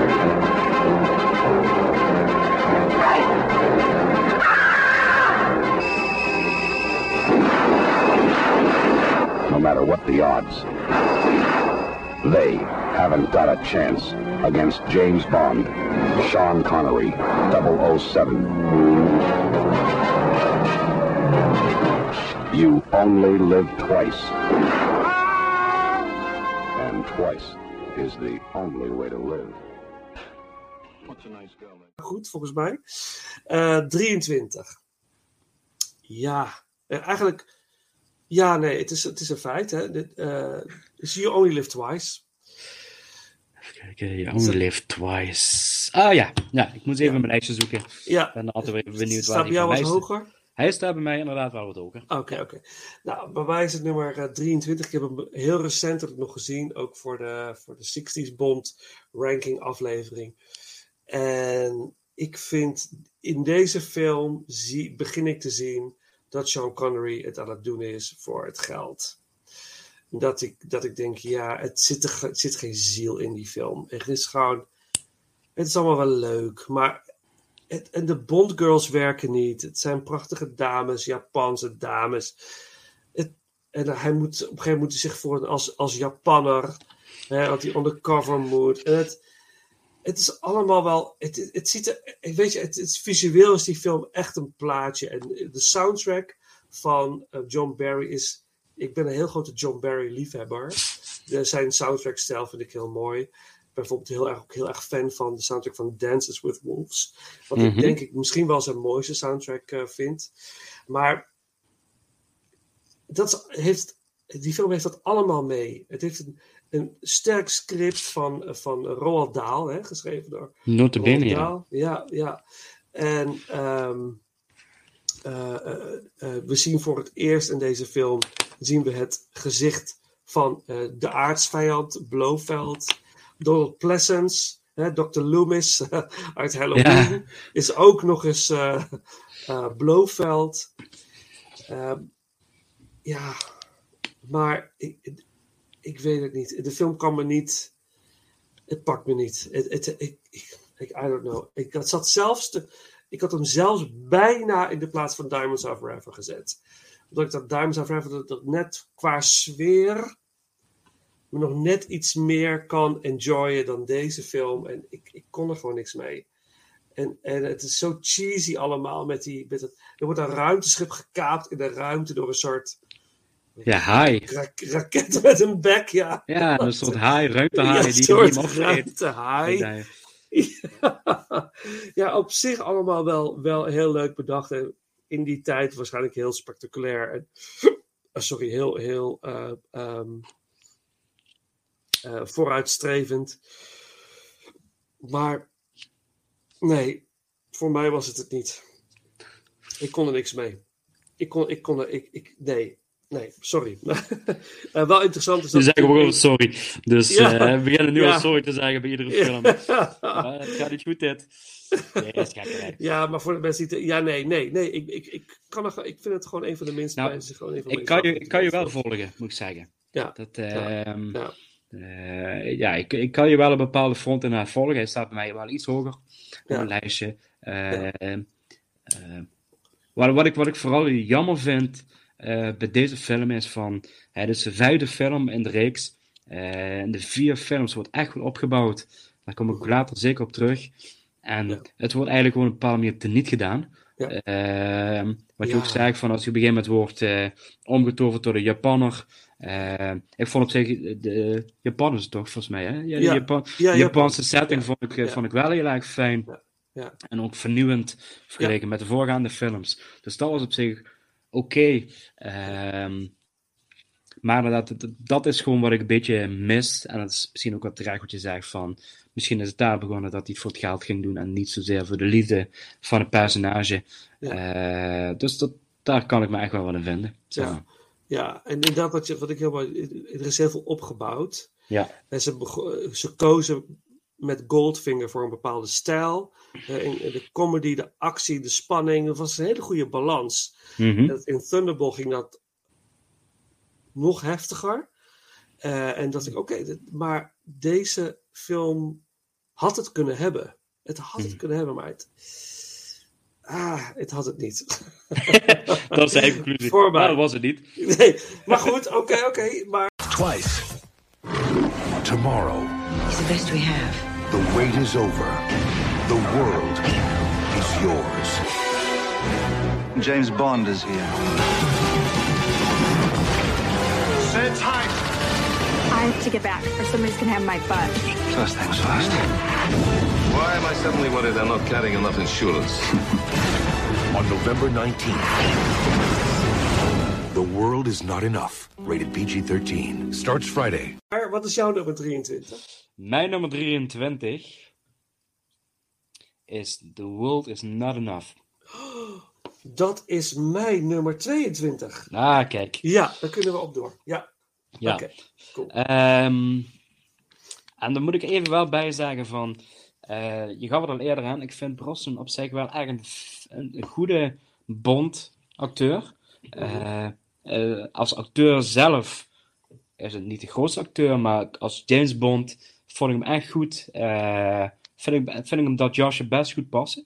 Om even in de smoking time te blijven voor James Bond. Ja. Ehm, ik vind, ik baal er alleen ontzettend van. En dat is eigenlijk het- de reden waarom eh, de films van Brosnan voor mij slechter scoren. Eh, hij is gewoon echt, op het ongelukkige moment is hij James Bond geworden. De jaren 90 was gewoon echt een enorm zware periode voor, voor actiehelden. eh, met de komst van Mission Impossible, waar we het over hebben gehad. Eh, eh, Die Hard films die, die ja, behoorlijk aan het accelereren waren in de bioscopen. Denk aan Die Hard with Avengers, daar moest je onder andere mee concurreren. Ehm, je had de televisiewereld waar Jack Bauer met 24, waar allemaal harder en s- eh, directer werd. En dan, ja, dan, Bond moest meegroeien. Ja. Dus zij kozen ervoor om het vooral gekker te maken. Ehm, en vooral extremer. En dat is iets waar Die Another Day sowieso al, waar we ze juist al over hebben gehad, zijn, zijn, zijn, zijn knelpunten had. Maar World is, World is Not Enough. God, hele tongbreker. Ehm, vond ik, eh, vond ik, eh, vind ik daar in het lijntje. De film begint ook weer echt top. Ehm, Ja, met- de met- openingscène is fantastisch. ja, met, met dat kleine bootje op de Theems en eh, ook eh, in, in Spanje, eh, dat eh, ja, iets van een geldkoffer moet ophalen. Eh daar gebeurt iets mee, er ontploft iets, want dat geld is eh geïmpregneerd met iets, met een bepaald gif. Ja. En er komt een belangrijke zakenman komt om het leven. Eh, King heet hij met de achternaam, want zijn dochter heet Electric King en die komt Ja. wel later in de verhaal weer terug. Ja. Om vervolgens dan een hele spectaculaire James, of ja, eigenlijk een speedboot-achtervolging op de Thames te hebben. Waanzinnig. Ja. En daarna zakt die film eigenlijk als een taart, puddinghuis, kaartenhuis in elkaar. Eh daar gebeuren hele rare verhaal, technische dingen. Eh, eh, Bond wil het serieuzer doen en ook wel eh, bepaalde dramatiek eh, erin brengen. Wat op zich niet, niet verkeerd is, hè, want dat zie je in latere films ook, dat er meer drama en karakterontwikkeling wordt toegepast. Heel goed, daar hoor je me niks over zeggen. Alleen ik vond echt een deel van de cast vond ik zo slap. Ik, ik ehm, eh, ja, Robert Carlyle heb als slechterik Renard, eh, die je gewoon niet gebruikt. Die, eh die hij kijkt naar Trainspotting en naar naar 28 Day Later. Nee, ja, toch? Ja, ja. Ja, ja even een klein rolletje. film. Ja, even een klein rolletje in zijn opvolger, dus vandaar dat ik even Ja. te twijfelen. Maar Ja. hij is eigenlijk een hele goede Britse acteur en je doet eigenlijk gewoon helemaal niks met hem. En dat is iets wat ik gewoon zo zonde vind. Eh, ja, weet je, een James Bond film kun je eigenlijk nooit verwijten dat, dat actiescènes, eh, dat daar, ehm, ehm, ja, dat slap zijn. Maar deze film heeft wel eigenlijk een paar actiescènes die ik wel eh echt minder vind. En dat is name dan een bepaalde eh ski-achtervolging die, die, die gewoon echt heel slordig is uitgevoerd. De, de ondergrondse nucleaire kerncentrale waar op een gegeven moment dat hij aan, de, aan zijn kettingen rondvliegt.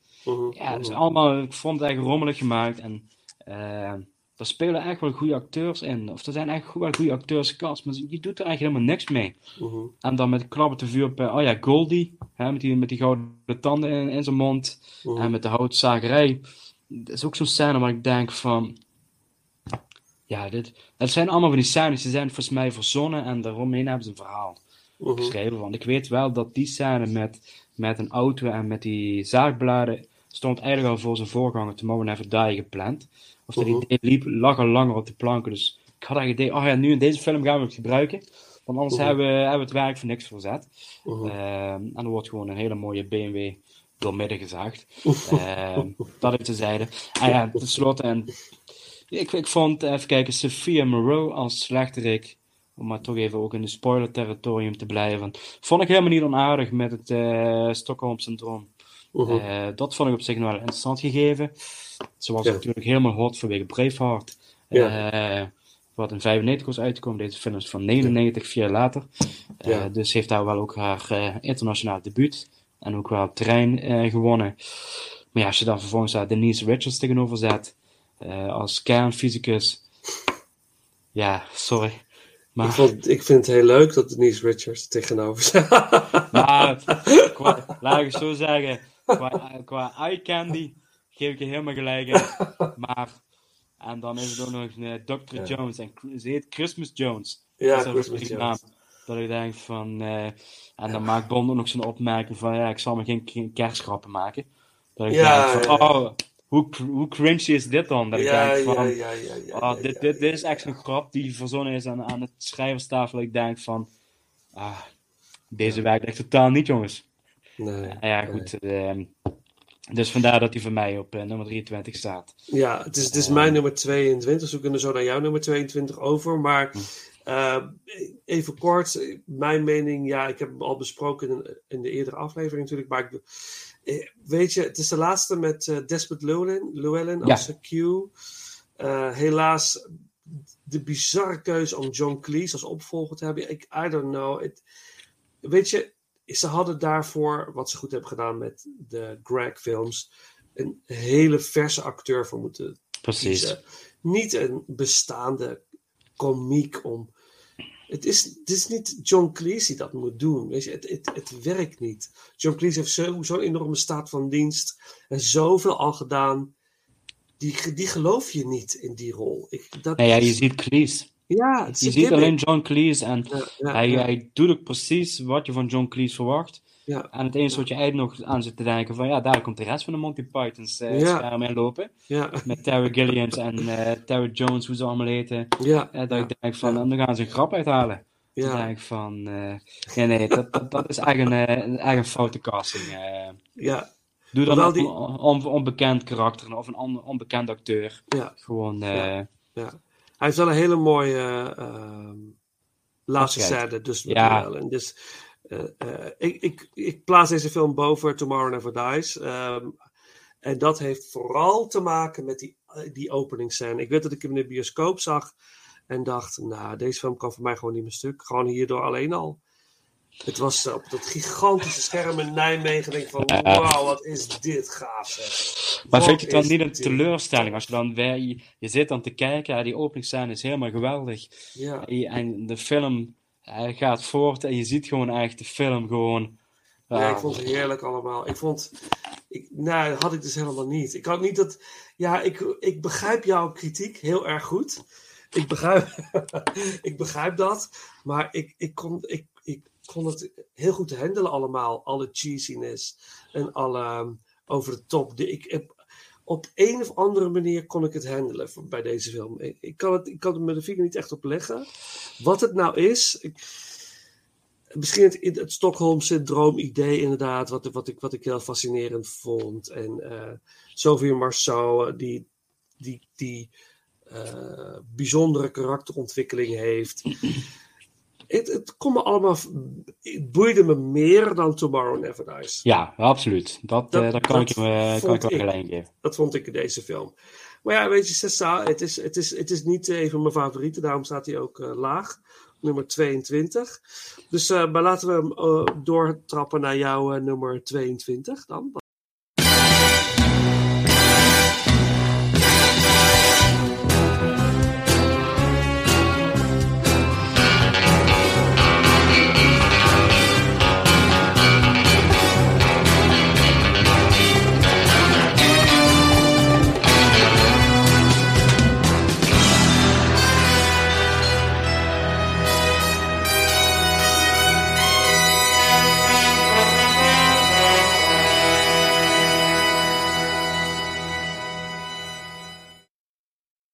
Die.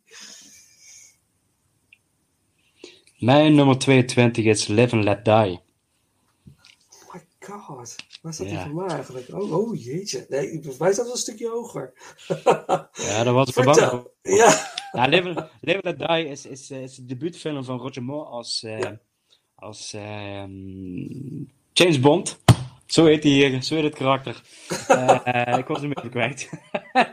nou ja, goed, Roger Moore is een debuutfilm eh, als James Bond, wat ik al zeg.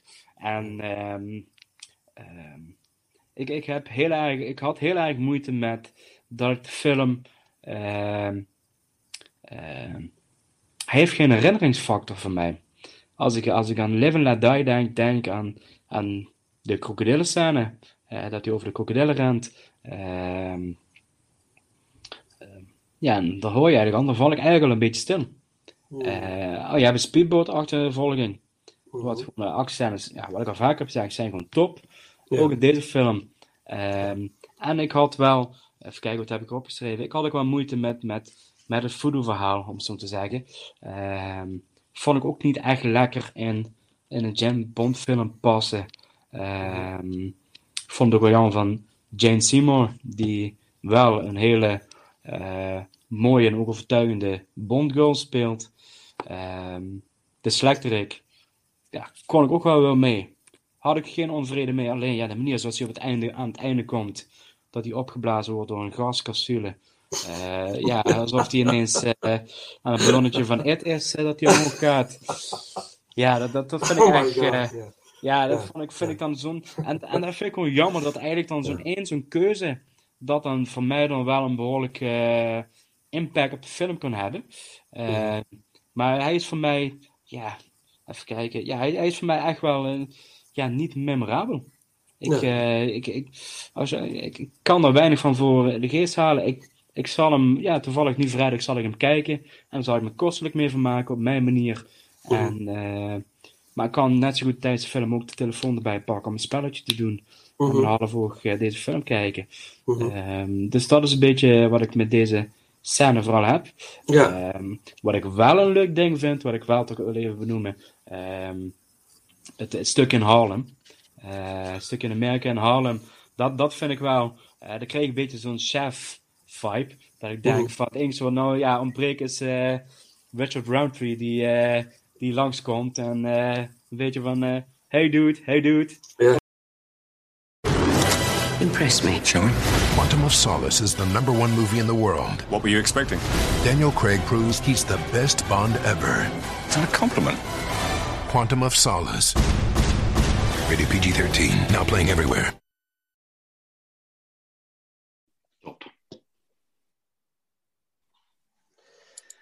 Ja, Paul, dan zijn we nu over naar, eh, naar mijn nummer 21. En ehm, mijn nummer 21 is de tweede film van eh, Daniel Craig als Bond. Dat is Quantum of Solace uit, als ik het goed heb, 2008. Ja, Juist. ja, Ja. ja, ja. De kortste Bondfilm eh, uit de... Aller tijden. aller tijden. Ik weet niet wat er nog gaat komen, maar voorlopig is dit eh, Ja, de, de kortste. De film die. Hij staat laag in mijn ranking, maar betekent niet dat ik het een, een vervelende film vind. Ik vind Quantum of Solace echt heel leuk om naar te kijken, maar het, het, het stijgt niet boven het niveau uit, vind ik, van de films die nog eh, gaan komen. In mijn lijst in ieder geval. Eh, Daniel Craig is super op dreef. Het is echt een heel duidelijk vervolg op, op, op eh, Casino Royale. Het loopt door. Alleen wat, wat, wat heel veel mensen stoorden aan die film was natuurlijk de overdreven snelle editing. Die, die openingsscène, dat denk je al gelijk van, wat, wat, wat overkomt me nou dan weer? Want je kunt het bijna niet volgen. Maar ja, Misschien als ze gewoon normale editing hadden gebruikt, was het gewoon een film van twee uur geweest. Ja, misschien is dat is het wel. Misschien is dat een verschil geweest. Ja. Nee, even alle gekheid op een stokje. Ja, ja, ja. Nou, ja, ik- het, is, het, is, het is een goede Bondfilm, maar niet meer dan dat. Het is, het is, het is een, beetje, een beetje een recht toe, recht aan actiefilm. Eh, Mark Forster, eh, regisseur. eh, en, die natuurlijk ook wel een aardige staat van dienst heeft, maar vooral, voornamelijk met soort van dramatische films. Hè? The Kite Runner en zo. En Finding Neverland, Monsters Ball. Mhm. Die, dus dat is ehm, The Stranger. The Stranger in de re- Ja, ja, ja. De film die ik nog moet zien trouwens. Nee, Stranger Than Fiction, sorry. Stranger, Stranger Than Fiction, ja. en met eh, Will Ferrell. Ja. En dat vond ik eigenlijk een hele leuke combi. Dus dan kan je die wel eh echt aanraden. Is het een, is het feel-good eh, drama-achtig... eh, is het een combinatie of is het echt comedy? Wat die... Nee, nee, dus is, is, eh, het is serieuzer dan gewoon om maar simpel te zeggen, dit is comedie. En dus eigenlijk dat, dat Will Ferrell een beetje een, eh, ja, een, gewoon een, een, een- de gemiddelde mens speelt. Eigenlijk wat Adam, Adam zelf ook wel af en toe heeft als hij in die serieuze rollen Ja. stapt. En Jim Carrey die had het ook wel. Dus eh, Ja. ehm, ik heb hem jaren geleden gezien. Het is niet zo dat hij, dat hij eh, hele grote indrukken achtergelaten heeft. Eh, maar ik weet wel dat hij me toen op zich eh, wel echt... Als ik nu aan de titel denk, denk ik... Oh, het heeft toch een positieve, eh, ja, een positieve vibe. En denk ik, oh, dat, daar heb ik me toen goed mee vermaakt, geloof ik. Cool. Dus, cool. Ja, en, en, en wat... Ja, we komen nog op Quantum of Solace terug, denk ik. En, ja. in jouw... hij, staat bij mij, hij staat bij mij ook nog ergens in het lijstje. Ergens, ja. Ergens in het lijstje verstopt. Misschien Ja. wel nummer één. Nee, dat denk ik niet. nee, maar het Kunnen zou zo... maken? Het zou zo... Ja, dat, ja, ja, ja. Nou, we hebben in ieder geval niet dezelfde nummer één. Dat weet ik nu al. Ja, dat, dat durf ik, daar durf ik wel geld op in te zetten. ja. Maar eh, nou, ik vond, het- nogmaals, en het hoogtepunt in deze film is natuurlijk de scène in, eh, in het operagebouw, de theaterscène. Dat is, Ja. dat, dat is echt het hoogtepunt. Prachtige Briljant. score. Prachtige score van David Arnold.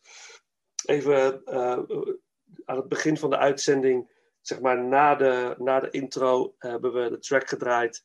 De James Bond theme van David Arnold. En David Arnold verdient gewoon een, een, een, een, een, een uh, mention, zeg maar. Want wat hij met de score voor Bond heeft gedaan in de jaren negentig en ook nog in de eerste twee films met Daniel Craig is gewoon fenomenaal. En, en deze soundtrack, ja, die is, is bovengemiddeld, vind ik, um, eerlijk gezegd. En ik vind de titelsong van uh, Alicia Keys en uh, Jack White. Jack White, ja. Ik zeg Jack Black, maar dat is, dat is iemand anders. anders. Ja. Uh, ook de moeite waard. Maar in ieder geval, uh, we komen er straks nog op terug. Bij nummer 21 is uh, Quantum of Solace. En wat is jouw... nieuwsgierig of wat, wat eigenlijk van David Arnold geworden is, zeg maar. Want we hebben eigenlijk naar Ja. de Bondfilms echt heel weinig nog van hem vernomen. Dat is inderdaad- even op zijn IMDb te kijken. Dat is zeker waar het, wat je eh, zegt. Eh, hij is verantwoordelijk geweest voor de muziek van de meest recente tv-adaptatie van Dracula. Oh ja. Met, eh, even kijken, hoe heet die? eh Klaas Bang, ook van eh Benedetta. Mhm, mhm. Ik ken hem dat hij nou een beetje in de televisiewereld zit, maar wel voor eh, een hogere segment, zeg maar. Ja. Ik zie ook eh, Good Omens staan. Oh ja, ja, Dus, ja. ja. eh, een beetje verrassend. Ik zat ineens te denken van, god, heeft ook Hot Fuzz heeft hij gedaan. Hot Fuzz. Nooit oh, geweten. Nee. Nooit geweten. Nee. Maar goed, leuk. Dus, maar ineens dacht ik van, wat is eigenlijk van die man eh, terechtgekomen? Ik zie daar. Sherlock heeft hij gedaan. Jacqueline Mhm. Hyde. Ja, En, dus, eh, dus wel echt toch wel een beetje in de... Ja, toch Oh, ja. een klein hoekje blijven. Een beetje uit de Britse wereld zie ik, als ik een beetje Ja. de Britse filmindustrie. ja. een aantal titels. Hey, maar goed, dat even hij nou-. Heeft hij nou was even ook, nieuwsgierig. zie ik nou, heeft hij nou ook de muziek voor Independence Day gedaan? Ja, dat, dat, eh, ik zie het ook staan. Dat wist ik helemaal niet. Ik had een idee dat het ook iemand anders had gedaan. Maar goed, eh, Geweldig. ik ben ook niet alleswetend. Echt niet, Paul? Nee. Nee, ik heb soms van die dagen en dan, eh dan lukt het echt niet. Nee, is geen natuurlijk. Hey, wat, is jou, wat, is, wat is jouw nummer, eh, nummer 20?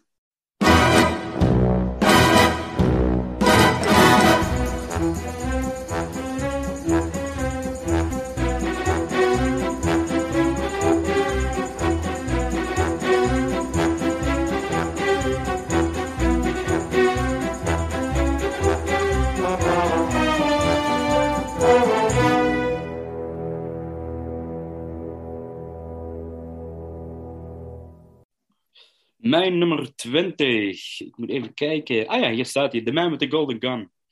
En ehm, eh, de film gaat over eh, James Bond eh, versus Scaramanga. En gespeeld door Christopher Lee. Natuurlijk wel een grootheid in de Britse cinema. Was ook eigenlijk bevriend in het dagelijks leven, of in het echte leven, met Ian Fleming. Ehm, dus sommigen zeiden ook wel dat Ian Fleming een beetje de James Bond op Christopher Lee heeft gebaseerd. Maar heb soms ook idee dat een beetje iets van een, eh, hoe zeg je dat, eh, broodje aap wat is gaan zwermen, rond gaan zwermen. Ja, de, de man met de golden gun. Ehm, ik, want ik, ik, ik, ik vind het vooral een, een, een, twijfelachtige film. De, de film heeft een aantal hele, hele fijne actiescènes. Eh denk het aan de, de, ja, met de bootjes door de, door de wateren van India, geloof ik. Of in elk geval in die hoeken, zeg maar, waar het verhaal zich afspeelt. Mhm. Ehm, en, ehm, en natuurlijk ja, de finale op, op het eiland. Beetje, wat ik al eerder een beetje gekscherend de Fantasy Island noemde. Met eh, ook nog Knickknack. Met, eh, Ik ben even zijn achternaam kwijt. eh, de, de, de Lilliputter, de Ja, eh, Hervé. de kleine man. Ja, Ja, eh, ik ga hem opzoeken, dit moet ik het weten. Hervé. Serge toch? Ja, klopt. Hervé Serge. Villages, Villages. Oké, mijn excuus als hij Ja. eens nog een luisteren is. Ehm, ja, dit, dit is een beetje... ehm, Ja, ik, ik, ik vond het gewoon heel erg jammer. Vooral de finale vind ik heel erg jammer. Het idee dat, dat eigenlijk twee ja, profies, professionals tegenover elkaar staan, die, die elkaar uit de tent proberen te lokken. Eh, ja, even kijken. James Bond heeft volgens mij acht kogels in zijn Walter PPK. En eh Scaramanga zegt van... eh, hij doet het met één kogel en met een derde tepel. En eh, vervolgens, ehm, ja, het, speelt er eigenlijk zo'n zo'n kaddemuis alsof je in het glaspaleis staat. hij is flauw, hè, sorry. Nee, hij is leuk. Hij is. Ja. hij is goed. Maar eh, ja, en, en vervolgens, ik, ik vind het gewoon eigenlijk best wel een film van veel gemiste kansen. En ehm ook de extra's bekijk op de Blu-ray edition, ehm, er zitten er echt wel goede ideeën achter. En ehm, is het ook gebaseerd op, ik meen dat deze keer gebaseerd is op een kort verhaal van, van Fleming. En niet echt van een hele novel, maar dat weet ik niet helemaal zeker. Dat is wat vaker gebeurt, waardoor je eigenlijk met een klein verhaal probeert een hele speelfilm te maken. En dan, dan worden er dingen bij verzonnen. De, de Bond Girl vond ik niet, vind ik niet echt, eh, eh, echt hoe zeg je dat, eh, bijzonder. Beetje eigenlijk een dom, naïef meisje wat de hele tijd rondrent. Ehm erg wel jammer. Dan, dan ook nog eh, ja, een, een politieagent, een lokale politieagent die te maken krijgt. En waar zijn netjes komen helpen met een bepaalde vechtpartij, wat uiteindelijk ook eh, uit, eh, uit, eh, hoe zeg je dat, uitkomt in, in, in, in de speedboot achtervolging. Ja, dat is allemaal een beetje net niet, waardoor die voor mij eigenlijk een beetje eh, ehm, het concept gegeven met, met, met, eh, met, met de Golden Gun, ja, tegenover James Bond. Dat vind ik interessant. Mhm. De uitwerking vind ik helaas een beetje, een beetje minnetjes, om Ja. te zeggen. Ja. Leuk voor te kijken, vermakelijk zoals Bondfilms altijd zijn, maar dan is het ook het, eh, Ja, dat is- snel vergeten. Ja, dat is, het, is, het is een hoogst vermakelijke film. Hij komt bij mij eh, eh, zo dadelijk nog langs, natuurlijk. Ik heb een andere connectie met The Man with the Golden Gun, maar daar komen we straks op. De film is voor een groot opgenomen in Thailand. En wel interessant is dat, dat dit de, de minst succesvolle Bondfilm is geweest. Dus de minst, eh, die het minst heeft opgehaald. Terwijl Liver-? Eh, ja. Als je de hele reeks pakt? Ja, ja one, of the, one of the lowest grossing Bond movies. Dus een van de. eh, en en dat, dat, is, dat is ook de reden geweest waarom ze zo lang hebben gewacht om weer een nieuwe Bondfilm te maken. Want tussen The Man with the Golden Gun en The Spy Who Loved Me zit drie jaar. Dat Ja, is nu een beetje, soms een beetje ehm, gangbaar bijna in deze tijd. Maar toen was het echt om de twee jaar dat er een eh, Bondfilm uitkwam. En Live and Let Die was een gigantische hit. En dat heeft Roger Moore als Bond natuurlijk heel erg op de kaart gezet. En deze film was gewoon, ondanks de fantastische cast, eh, Christopher Lee en Roger Moore, Bond tegen Dracula, bijna, hè, dat idee. Oh ja. Is natuurlijk, Ja, natuurlijk een heel, heel eh, goede, goede reclame, goede, goed, goed ding om mensen te lokken. En Guy Hamilton, de regisseur van, eh, van Goldfinger, die dan terugkeert. Dus een hele hoop heeft de film mee. Maar ja, nou, we komen er zo op nog even, want eh, ik heb er nog wat over te vertellen. Maar, eh, en natuurlijk de ontzettend cheesy titelsong door Lulu. Ja. Maar toch, en toch stiekem een van mijn Guilty Pleasures favoriete liedjes is. Als je de tekst gaat luisteren, denk je van wie heeft dat ooit geschreven? Het is zo, van, het is zo simpel. Maar op een of andere manier, ik, de blazers van eh, eh, achter, op de achtergrond vind ik echt eh, kippenvel. Maar goed, heb je nog iets wat je kwijt wil over de Man of the Golden Gun? Of zullen we die zo verder Ehm, eh, oppakken? Dus hij is eigenlijk de enige film waarvan ik eigenlijk de slechterik eigenlijk interessanter vind dan Bond zelf. Als je eigenlijk de, de, de slechterik, Scaramanga, ten opzichte van Bond, vind ik, vind ik eigenlijk, ja, vind ik Bond bijna saai, zeg maar. Ja, ja. het, het lijkt wel een beetje alsof eh, meer de nadruk op Scaramanga ligt in deze film dan op Bond. Mhm. ik, vind, ik vind het gevoelsmatig voelt een beetje aan als Bond een bijfiguur is. Ja, ja, ja, ja, ja, ja. ja. Ja, er zit wel iets in, ja. Want Scar, want, maar Christopher Lee is natuurlijk een enorme presence, hè. Is gewoon zo charismatisch. En Roger Moore is ook charismatisch op zijn manier, maar daartegenover Christopher Lee is natuurlijk een, een- level hoger dan dat. Het, het is gewoon zo. Als die man verschijnt op het scherm, dan ben je gewoon gebiologeerd. Dus dat is, eh, ja, ja, fantastisch. Eh, eh, weet jij of, of Christopher Lee en Fleming elkaar in de oorlog hebben ontmoet? Want Christopher Lee was een nazijager in de, in de oorlog. Hè? Dat heeft hij ook. Ja, ik- weet wel dat Christopher Lee inderdaad een redelijk indrukwekkende uh, privéleven heeft gehad. Los van Ja. het feit wat hij op het scherm heeft gedaan. Ja. En Ja. eh, er is ook wel een, eh, een hele opsomming, zie je af en toe wel eens op social media voorbij komen. Dat Zo. ook Is er een een relatie biografie? had. Ja, maar dat is had op een ook een relatie met iemand van een. Ik denk het Zweeds Koninkhuis. Dus op het moment dat hij daar was door was, hij, was hij ook nog zelf royal geweest. Ehm, of. Ja, dat weet ik niet. Weet ik eerlijk gezegd niet. Die vraag eh, even terugkomt of zij vanuit de oorlog elkaar kennen. Dat eh, durf ik je niet te zeggen. Fantastisch. Hij is ook al, inmiddels alweer bijna zeven jaar eh, niet meer onder ons, zie ik ook, Christopher Lee. 2015 overleden. Ja. Ik ga Ja, zoeken of er... Ja? Gewoon een carrière. Ja, ongelooflijk. Ongelooflijk. Die, volgens mij boven de 150 films heeft die man gemaakt. Ja. ja, en heel oud geworden ook. Ja. Fantastisch. Jouw nummer 21. Oh, 20 was het. Mijn nummer 20. Yes. Mijn nummer, dan gaan we nu naar mijn nummer 20. Oké.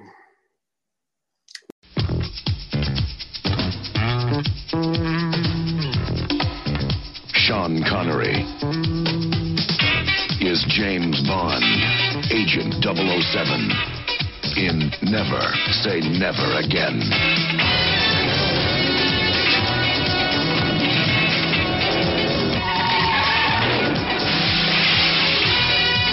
My name is Bond. Oh, you're Mr. Bond. I believe I'm having you in half an hour. Oh, splendid. Your room or mine? Everybody is after James Bond. Have you, Mr. Bond?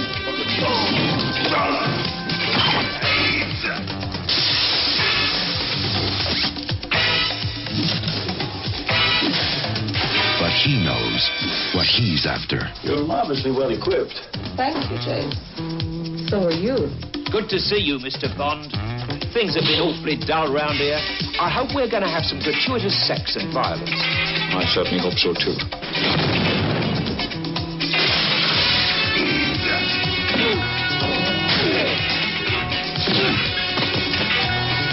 Bond?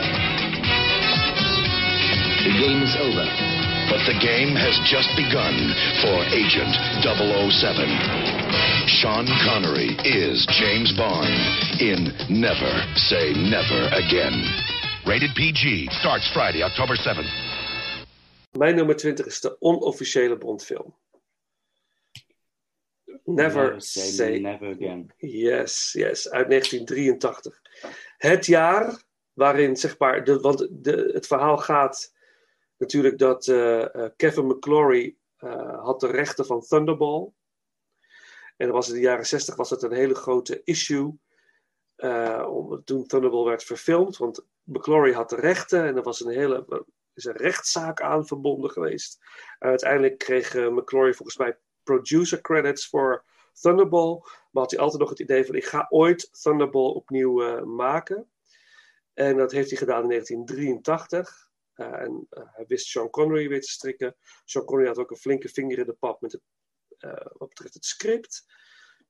En eh, Connery was eigenlijk dat was een revival voor Connery, weer na, na 12 jaar weer terug als, eh, als Bond.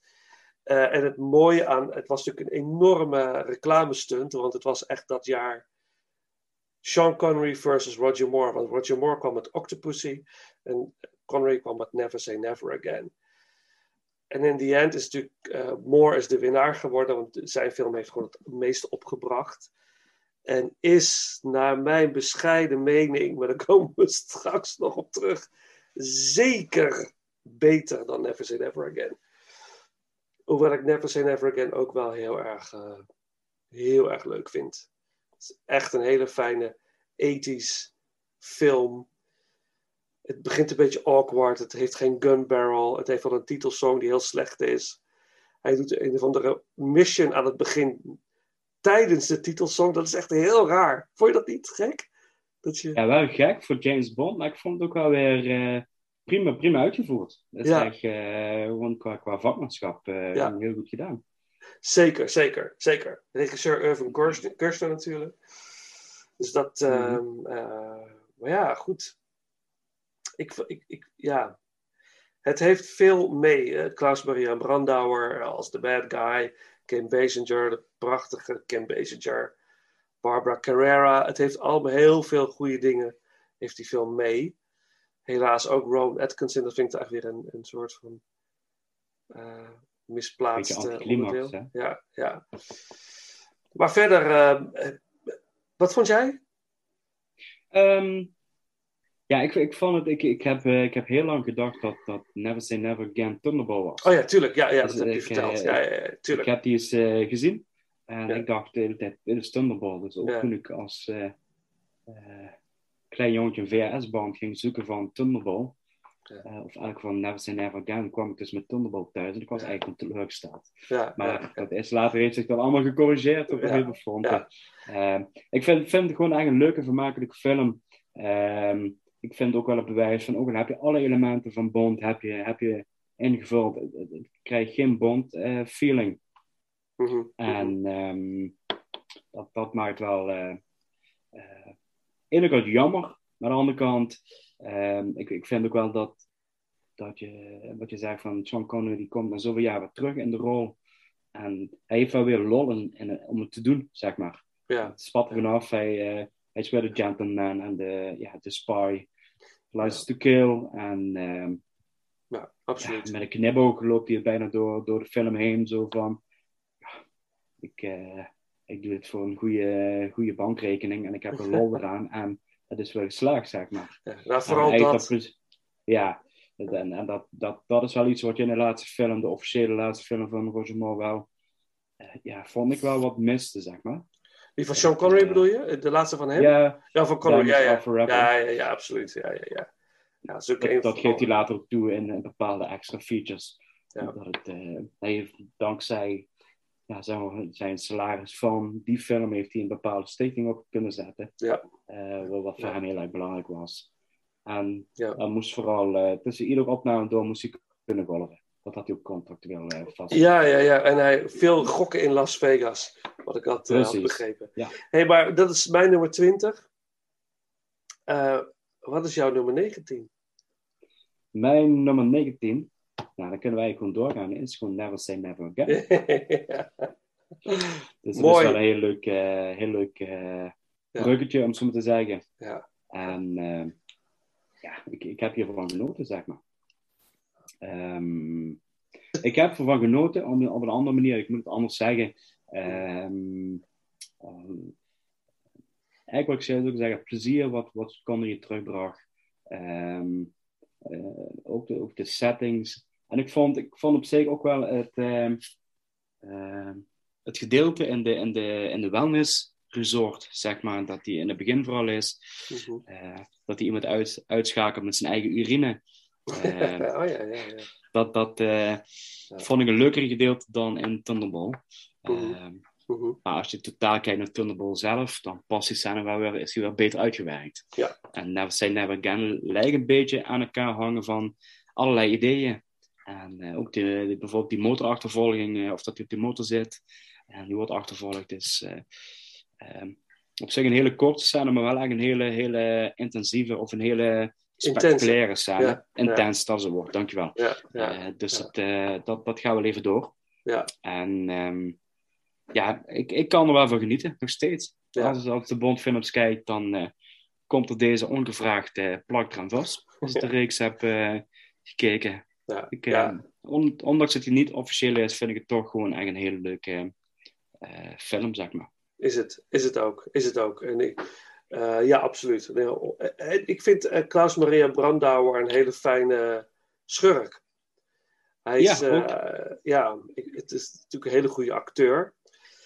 En eh, hij brengt wel wat lagen of zo in, in, het, in zijn karakter. Dat vind ik wel, eh, wel interessant. Eh, die ingehouden woede de hele tijd. Die je voelt als hij Bond eh, tegenkomt. Of als hij eh, oog in oog staat met Bond, dan zie je gewoon dat hij eh, eigenlijk zijn woede probeert te verbergen. Maar je ziet daardoorheen zie je gewoon dat hij, dat hij met liefste plekken gewoon eh, af wil Ja, maken. wurgt. Ja, precies. Dus- Ja, ja, dat vind ik heel knap. Dat is, dat is knap als je dat als acteur gewoon voelbaar kan maken. Dat vind, dat, eh, vind ik leuk. En hoe Connery dan nou weer met zijn, met zijn gevatte humor. Dat, je weet dat Bond het aanvoelt en hij weet gewoon dat hij. dat, Ja, maar toch gaat hij tegen de steentjes schoppen, hè? Ja, Of op de teentjes staan, zo van, ja, laten we toch maar eens even wat, eh, Ja. wat provoceren hier. Ja, Dus, dat ik, ehm, dat doet, en dat doet Connery misschien wel als een van de beste Bonds in de, in alle films, doet Connery dat op, op een of andere manier heel zo subtiel en zo grappig. Dat hij, hij, gaat, Ja. hij kan echt onderhuids gaan zitten bij die, bij die bad guys. Hij heeft hele eh, subtiele humor. Ja. En eh, dat, dat is bij de andere acteurs is dat op een andere manier ingevuld. Ehm, eh, maar ja, Connery kan dat als het beste om inderdaad met, met een stalen gezicht gewoon iets. eh, maar ook, ook ten opzichte van de vrouwen, hè. Dat eh sluit hem daar niet uit. Dat hij af en toe opmerkingen maakt dat ik denk van... Ai, ai, ai. Ai, ai, ai. Dat moet je in deze tijd niet doen, want dan heb je een ongepaste... Ja, ja, ja. Heb, je, heb je ongepaste mening op je, op je broek hangen. behoorlijk. Dus, Ja, ja. het kan niet meer uit deze tijd, maar toch is het onvergetelijk, vind ik. Hey, dat is jouw nummer 19, Never Say Never Again. En nou, eh, kunnen we door?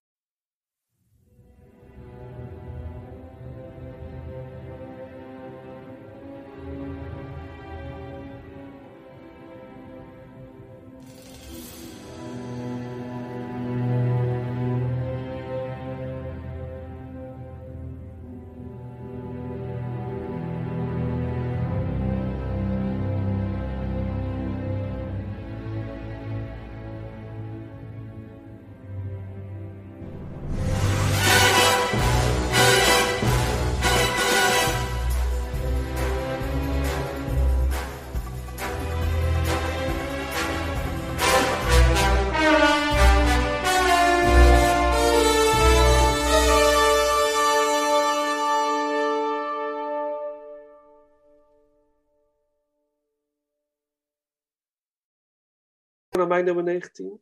Uiteraard. Ja, oké. Mijn nummer 19 is de eh één na laatste Daniel Craig eh, film, de Spectre. Ehm, ja, ja, weet je, dat is, dat, deze ranking is gewoon lastig. En, en Spectre is op zich een goede film, vind ik. Maar eh, ik weet dat ik Spectre in de bioscoop zag. En de openingsscène is fantastisch. En tijdens het Day of the Dead, een soort, soort one-track, eh, in één keer opgenomen scène lijkt het wel. Eh, sommige mensen vinden de helikopter, het helikoptergevecht vlak voor de titelsong wat overdreven en too much CGI of zo.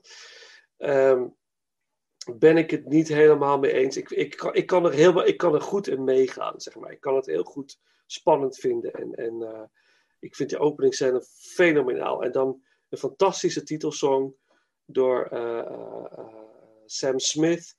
En dan vervolgens een enorm geweldig mooie eerste uur. En dan gaat de film voor mij bergafwaarts.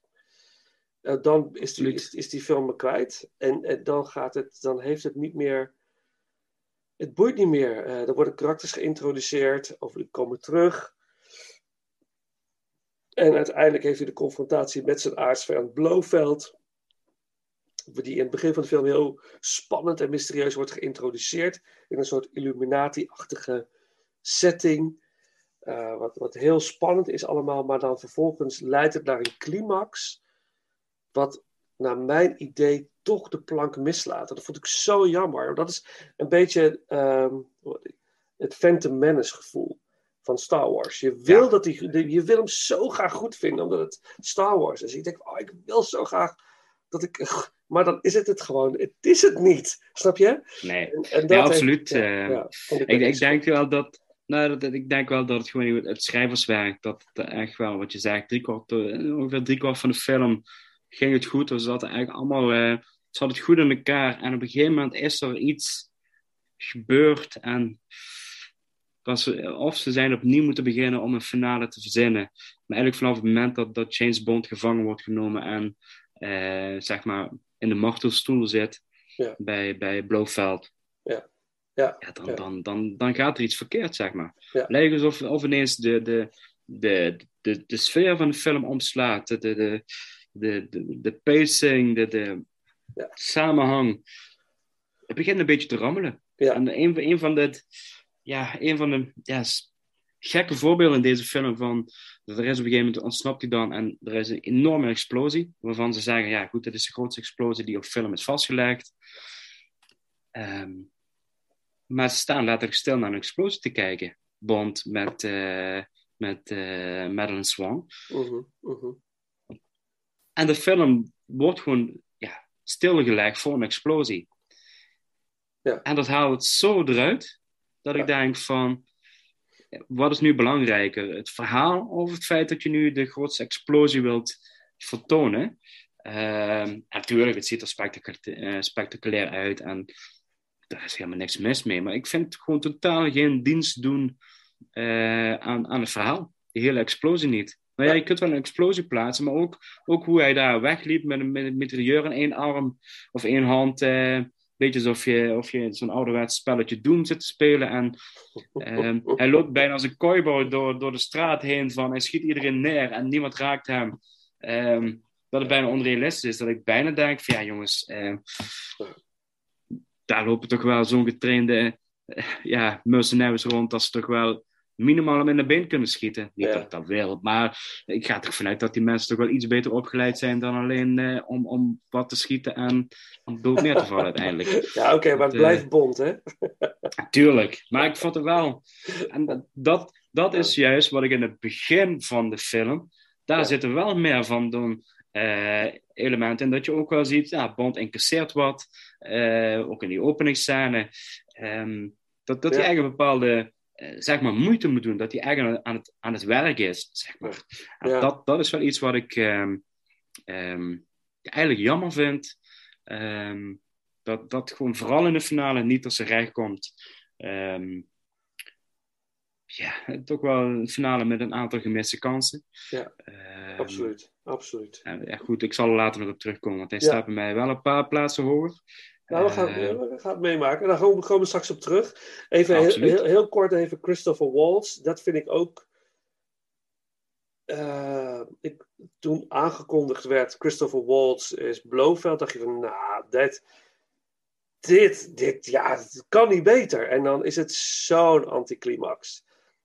Ik, op een of andere manier, ik weet niet wat het is, maar hij komt niet tot zijn recht eh, in, in, in Spectre. hij, krijgt te veel, hij krijgt te veel speelruimte. Ja. Ze hebben, ze hebben ze volgens mij echt eh, gewoon, eh, ik wil niet zeggen improviseer maar, Mhm. maar de, de, de dialogen zijn op een gegeven moment inderdaad ook vanaf die martelingsscène, want daar begint eigenlijk allemaal ja, bijna dodelijk saai. Ja. Dat je, dat je Ja. denkt van, eh, ja, geef maar een spuitje, want dat, dat kun je beter hebben dan die dialogen moeten aanhoren. Ehm, dat, dat is wel eigenlijk iets wat, wat een beetje, beetje ja, vloekt, zeg maar. Dus, eh, en hij doet het dan, hij kiest ervoor om, om, om Bond, of sorry, Bond, zeg Blofeld heel ingetogen te spelen. Ehm, maar het is ook, ja, het is niet zoals ik Blofeld eigenlijk ken, zeg maar. Blofeld nee. is ook wel een beetje van, van eh, ja, de, groot, de grootsheid, waan en ook wel de, de, de, het beetje de, hoe zeg je dat, de, de, ja, de, larger than life Ja, slechterik, ja, om zo ja. te zeggen. Ja, megalomaan, hè? Maar ja, dan ja, misschien is dat beter gezegd, ja. iets, iets, meer, eh, iets meer van dat. Maar e- even heel eh, advocaat van de duivel spelende. Ja. Is Christopher Waltz dan wel de geschikte acteur voor Blofeld? Had het niet een andere Nee. acteur moeten zijn? Nee, ik, ik, ik denk, van, ik denk dat, eh, dat, eh, ik dat het best een andere acteur had kunnen gespeeld worden. Eh, precies wat je ook zegt, van toen Christopher Waltz werd aangekondigd van hij gaat... Nou goed, eigenlijk iedereen wist het Blofeld, maar goed, hij krijgt dan Oberdorf, of Oberdauer krijgt hij mee eh, Oberhausen. Dat is volgens mij zijn, zijn schuilnaam eh, mee. En ehm, dan verwachten we wel iets. Zeker als hij met een Glorious, eh, Inglourious Basterds Ja. eh, en ook ehm, Django Unchained, de twee Tarantino-films waar je eigenlijk ja, Walls op zijn best ziet. Waar, waar hij echt toch volledig tot zijn ja, capaciteit wordt benut. Dan denk ik wel, eh, ja. zoiets wil je zien. Ja. Dan denk je van, als hij dat had kunnen doen, dan denk ik van, ja, dat was echt de geschikte man voor om Blofeld te spelen. Maar Als het, ik- het, wordt niet benut. Maar als ik dan terugkijk, als ik dan heel sec kijk naar, naar Inglourious Basterds en Django Unchained, wat trouwens fantastische films zijn, even by the way. Mhm. Ehm, dat is een beetje dezelfde stijl van acteren. Weet je, hij doet eigenlijk een beetje hetzelfde. Maar op een of andere manier. Ik weet niet, dat er is iets charismatisch aan die man, waardoor, dit, waardoor dat werkt of zo. Hij was ik- eigenlijk... Ja, Ik denk dat gewoon, hij heeft gewoon beter materiaal om mee te werken. ja, ja. Dat, ik denk dat dat gewoon eigenlijk het verschil maakt in deze situatie. Dat Tarantino gewoon een veel beter scenario Ja, ja. eh, heeft neergepend waar hij mee aan de slag kan gaan. Waardoor hij ook echt zijn rol helemaal tot, tot in zijn puntjes kan Ja. verwezenlijken. Ik denk dat dat echt eh, daarmee te maken heeft. Als ik nou iets heel, ik zeg iets heel bizars, en dan gaan we door hoor, naar jouw nummer 19. Maar iets heel bizars. Wat nou als Al Pacino Blofeld was geweest? Die had hem namelijk, die had hem namelijk een stukje over de top kunnen trekken. En dat is volgens mij wat. ik- ik- kijk, ik hou heel erg van contrasten. Als ik bijvoorbeeld, als ik. eh, ik ga binnenkort ga ik weer een, een- iets regisseren. eh, en dan. eh, dat, dat is op een gegeven moment een klucht, een blijspel. Maar dat is heel wat anders natuurlijk. Maar ik hou heel erg van contrasten. Zet een extreem persoon tegenover een wat normaler persoon. En je krijgt hilariteit. Mhm. Want de normale persoon kan niet dealen met de extreme persoon en andersom. Dus dan krijg je een soort. En Daniel Craig is best wel een ingetogen bond. Hij is wel hard, maar hij is heel erg. Hij is heel erg echt. Hij is heel echt. En zet Mhm. daar tegenover een, iemand die helemaal gestoord is. Hè, Denk bijvoorbeeld aan eh, eh, eh, Javier Bardem in Skyfall. Die gast is helemaal lijp. Die is helemaal gek. Ja, maar daarom werkt het ook zo goed. Dat bedoel ik. En dat had zoiets als Blofeld volgens mij ook moeten hebben. Die net een beetje, dus je denkt, die gast is helemaal gek. Die is gestoord. Snap je wat ik bedoel? En dat had ik Ja. niet. Dat had ik niet bij Christopher Waltz. Niet Dus een Spectre. Niet Maar ik moet wel, Ja. ik moet Ja. wel zeggen, en dat, misschien lopen we daar iets te ver op vooruit de zaken, maar wel in No Time To Die heeft hij een hele kleine eh, bijdrage. Ja. Maar juist omdat hij een kleine bijdrage heeft, ehm, werkte het wel. Want er zijn wel elementjes in die film waarvan ik denk van, oké, maar dit is, om het even zo te zeggen, dit is creepy. Dit, dit is gewoon van, oké, dit, dit is, eh, nu gaat hij me. Meer intrigeren dan, zeg maar, de hele film van Spectre lang, Ja. te zeggen. Ja, ja. Eh, ben ik met je eens. Maar daar komen we straks op. Eh, Ongetwijfeld. we gaan straks nog verder over Spectre hebben, want bij jou zit hij wat hoger. Eh, wat is jouw nummer 19? Ja, en nummer 19, dat is de laatste voor vandaag. Dat is de laatste van deze aflevering. Oké. How much do you know about Bond? His MI6 says he's difficult to control. Nice way of saying that everything he touches seems to wither and die. Ah! If you could avoid killing every possible lead, it would be deeply appreciated. I'll do my best. I've heard that before.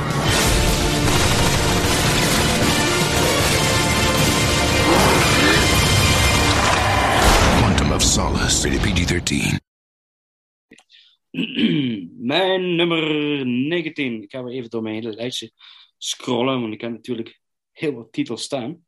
Ehm 19, 19, 19, 19. Ja, is Quantum of Solace. Ah, Quantum of Solace. Ja, ja, ja, oké, oké, ja, ja, ja.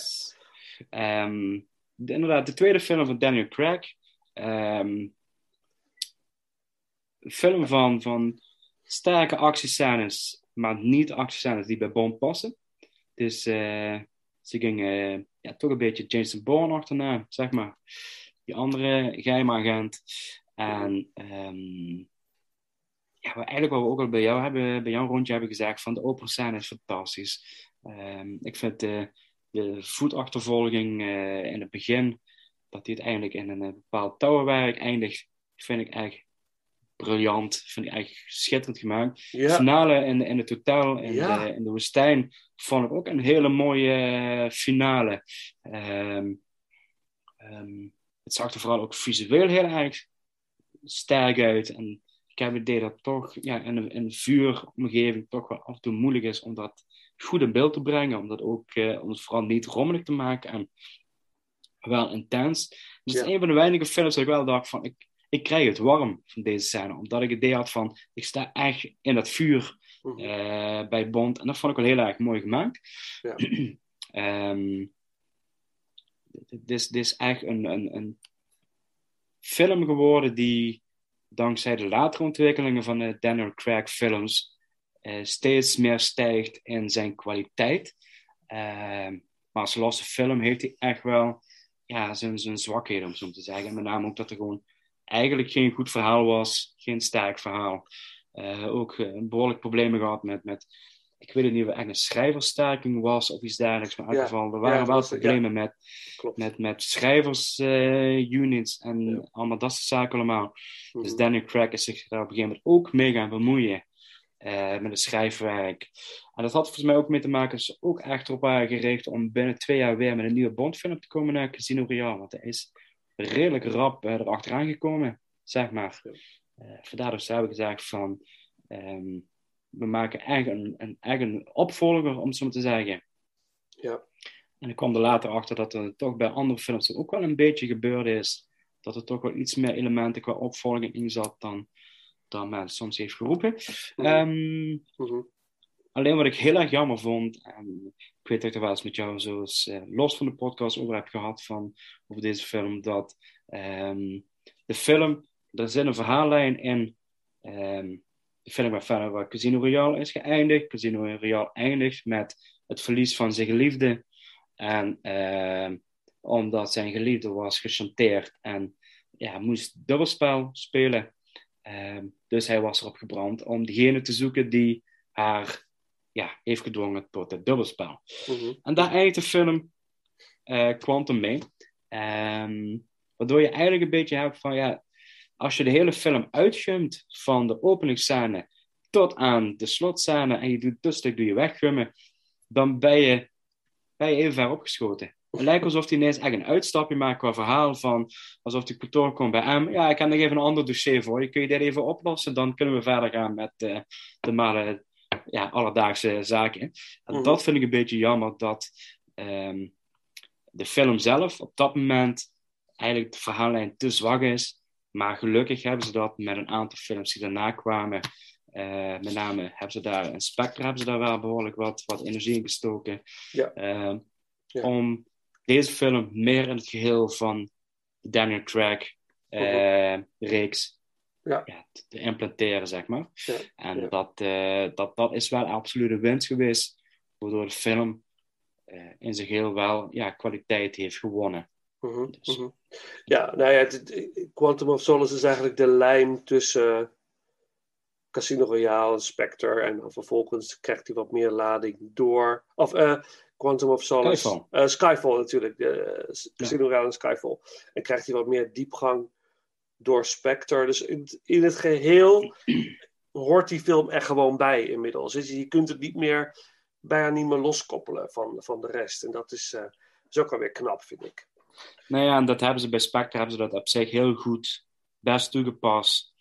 En ik weet niet of dat vanaf het begin al de bedoeling was, of dat ze toch later, eh, wat we ook al aangeven, van ja goed, op het einde wordt het toch wat rommelig, maar dan komen wel ineens allerlei die verhaallijnen samen. Ehm, dan kom je erachter dat Dominic Green, de slagwerk van deze film, dat die ehm, ja, ook een onderdeel was van Spectre. En Mr. White, die in het begin wordt vervoerd, eh, die in het einde van Royale heeft gevangen.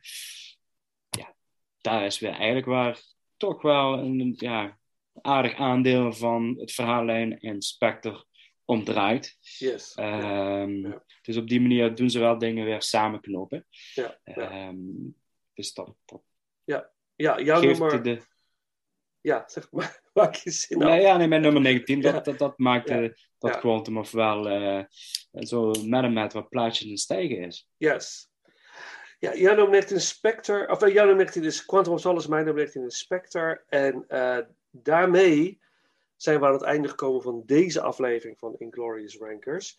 En ik wil eh degene die luisteren uitdagen en zeggen van nou jongens, meisjes, of alles wat er tussenin zit tegenwoordig. Eh, Precies. eh, stuur ons jouw eh, ranking. Deel het met ons via Instagram, Facebook of Twitter. Eh, we zijn heel benieuwd naar jou, naar jouw persoonlijke bond-ranking. En wellicht kunnen we die rankings ook meenemen in een van de komende afleveringen. Dan kunnen we de aflevering mee starten met, eh, met eh, de rankings. Eh, we sluiten deze aflevering af, eh, Paul. Eh, in de jaren tachtig hadden wij thuis hadden we een hele reeks CD's van de London Starlight Orchestra. Zeg je dat wat? Nee, dan gaan we even geen lampje branden. Oké, oké. Dat, waren eigenlijk, dat was eigenlijk, het waren CD's met filmmuziek, maar dan niet officieel. Dus dat was, het was gewoon nep, filmmuziek eigenlijk. Maar eh, die CD's waren veel goedkoper. Dus die, die, die, eh, waren echt voor, voor vijf gulden of zo destijds eh, te koop. Dus we hadden een hele reeks. En dat was best aardig. Dat was best wel leuk. Eh, dus ik als kind vond het helemaal fantastisch. Dus ik wil eigenlijk gewoon voor de gein afsluiten met een track van de London Starlight Orchestra. Je kunt trouwens alles van die gasten vinden op YouTube. Ze hebben echt hele playlists. Allemaal eh, eh, nep filmmuziek, maar toch, toch ook wel de moeite waard. Ehm, en dan wil ik natuurlijk de James Bond theme doen door de London Starlight Orchestra. En eh, dan kan ik alleen maar zeggen, ehm, nou, eh, bedankt voor het luisteren. En eh, tot de volgende ronde.